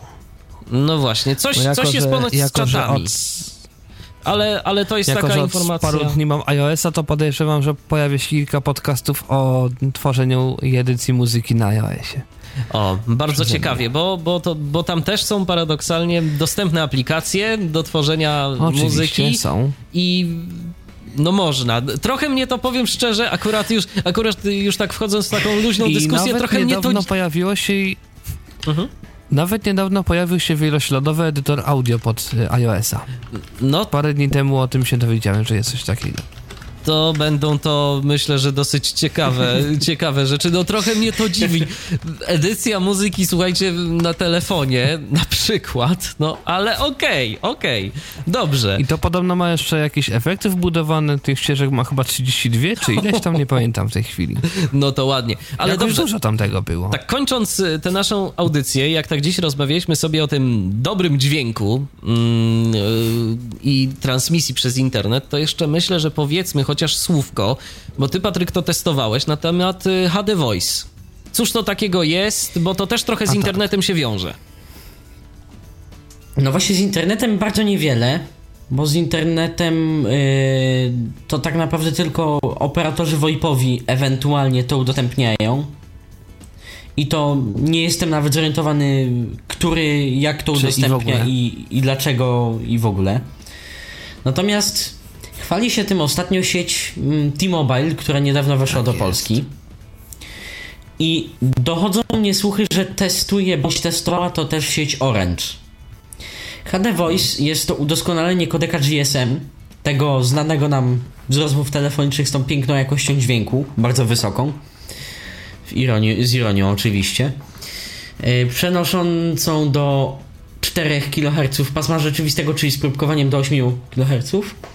HD Voice to jest 14 kHz mm, próbkowania, czyli 7 pasma rzeczywistego. Filtr teoretycznie dolny nie powinien być zapinany na 250, a na 100 Hz. Więc chodziło o podwojenie pasma, chodziło o lepszą jakość dźwięku, wyraźniejsze zrozumienie i przy, przy zachowaniu tej samej przepływności bitów 14,4 kilobita na sekundę dla jednej szczeliny czasowej w GSM. Mm, To jest kodek, który na razie działa, tak jak mówiłem, tylko w T-Mobile. Słyszałem, że podobno kodowanie HD Voice na łączach międzyoperatorskich jest tracone. Nie wiem na ile to prawda. Udało mi się przebyć kilka rozmów. Mm, odbyć kilka rozmów przy użyciu tego kodeka. Więc, żeby tu za bardzo nie reklamować, a powiedzieć gdzie można, strona T-Mobile gdzieś po długim, długim researchu udostępnia krótki pliczek testowy pokazujący tą samą rozmowę nagraną faktycznym telefonem, fakt, że z mikrofonów dość dobrych, ale faktycznym telefonem w ruchu ulicznym i to samo mm, przy użyciu technologii HD Voice. Gdzie już to bardziej słychać, że to było mimo wszystko nagrywane takim niezłym sprzętem, ale symulowano bardzo te warunki e, otoczenia. Kodeki są prawdziwe. I HD Voice i, i zwykły GSM jest prawdziwy. Nie jest to sztuczne dodawanie efektu. Więc można Także sobie też- porównać. Tak można sobie porównać. No to też jest myślę, że dosyć e, fajna sprawa. Myślę, że jeszcze długo e, będziemy czekać, a tak naprawdę możemy się nie doczekać e, łącz telefonicznych oferujących nam chociażby transmisję dźwięku stereofoniczną czy, czy w wysokiej jakości, bo po prostu no już od, od No tego teraz się, od tego się tak naprawdę odchodzi. Od, od telefonów zwykłych, teraz, teraz są komórki, yy, a Natomiast jeżeli na telefonach przecież komórkowych jest już Skype, są już jakieś inne rzeczy, a na iPhone'a przecież nawet jest y, program, który potrafi wysyłać y, dane na Shoutcasta, czyli robi sobie radio z y, iPhone'a, więc tu już można zrobić i MP3, i stereo, i co tam ktoś tam jeszcze chce.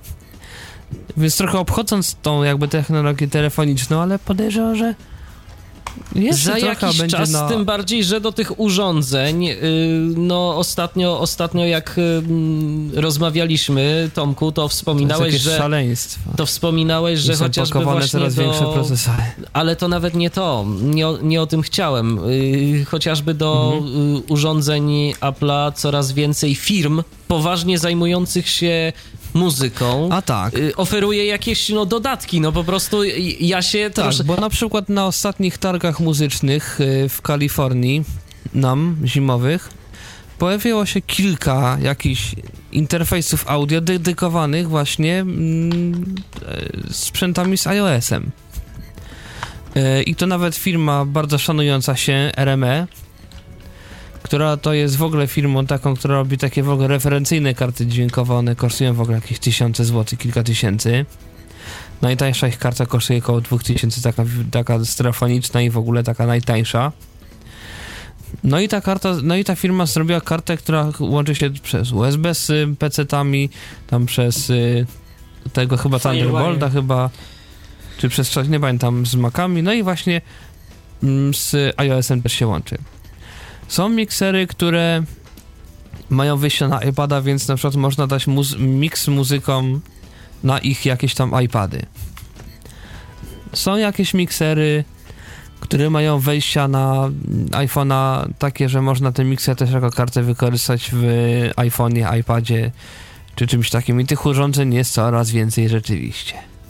Dla mnie to, mnie to powiem No. szczerze, mnie to, mnie to dziwi troszeczkę. No jakoś tak ciężko mi wyobrazić sobie urządzenie mm, tego typu jako, jako sprzęt muzyczny, ale po prostu no może to jest rzeczywiście kwestia... Znaczy coraz więcej. No jeż, jeżeli najnowszy iPad trójka ma mieć procesor dwa razy chyba półtora z tego, co tam różne takie przecieki się okazują, No to już jest maszynka. no to na dobrą sprawę, jeżeli się kupowało komputer w roku na przykład 2003-2004, dobra, tam było powiedzmy 2 GHz na przykład, no ale jakiś pojedynczy rdzeń, czasami podwójny, więc to jest niewiele mniej niż komputery z 2003-2004 roku, gdzie przecież już się tak naprawdę spokojnie robią muzykę, tylko i wyłącznie na komputerze. Oczywiście, że tak, więc no tu jakoś ten postęp technologiczny idzie. Miejmy nadzieję, że także będzie szedł e, również postęp, jeżeli chodzi o dźwięk, no ale nie da się ukryć, że do dobrego dźwięku transmitowanego przez internet e, potrzebne nam jest stabilne łącze, bo niestety jeżeli ze stabilnością No i i dobry przepustowością oczywiście tego łącza mm, jest krucho, to i nic nam po dobrym dźwięku. Sprzęt też y, dobry powinien być. y, Im, im lepszy, tym wiadomo, jakość dźwięku gorszy, lepsza, tym, tym jakość dźwięku lepsza.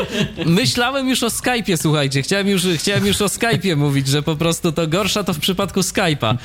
tak może być. Ale jeżeli chodzi o mm, takie programy, o których mówiliśmy, czyli właśnie TeamTalk, y, Fidelifone, AudioTX, mm, czy Ninjam, czy, czy jeszcze inne, no to po prostu to się zgadza. Im lepszy sprzęt, im lepszy mikrofon, tym rzeczywiście la- jakość tego dźwięku jest lepsza.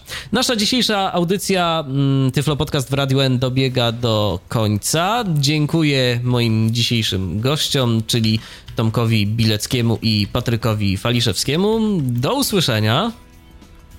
Do usłyszenia. Do usłyszenia. A my spotykamy się w kolejnym Tyflo Podcaście za tydzień po godzinie 19 znowu o czymś, no, mam nadzieję, że interesującym będę mm, mówił z kolejną osobą zaproszoną do Radia N. Kolejny Tyflo Podcast za tydzień e, po godzinie 20 w niedzielę, natomiast e, spotkamy się e, w audycji muzycznej, w audycji zatytułowanej z archiwum M. Michał Dziwisz, kłaniam się, do usłyszenia w kolejnym Tyflo Podcaście. Przypominam, w następny poniedziałek po godzinie 19 znowu się słyszymy. Przekaż 1% swojego podatku na rzecz Fundacji Instytut Rozwoju Regionalnego. Dodatkowe środki pomogą nam zorganizować jeszcze więcej darmowych i wartościowych kursów dla osób niewidomych i słabowidzących. Dzięki temu będzie im łatwiej znaleźć pracę i cieszyć się niezależnym życiem. Wystarczy, że wpiszesz w swoim zeznaniu podatkowym nasz numer KRS 40170 802. Fundacja Instytut Rozwoju Regionalnego. Prowadzimy osoby niepełnosprawne do ich celów. Był to Tyflo Podcast. Audycja o technologiach wspierających osoby niewidome i słabowidzące. Audycja współfinansowana ze środków Państwowego Funduszu Rehabilitacji Osób Niepełnosprawnych.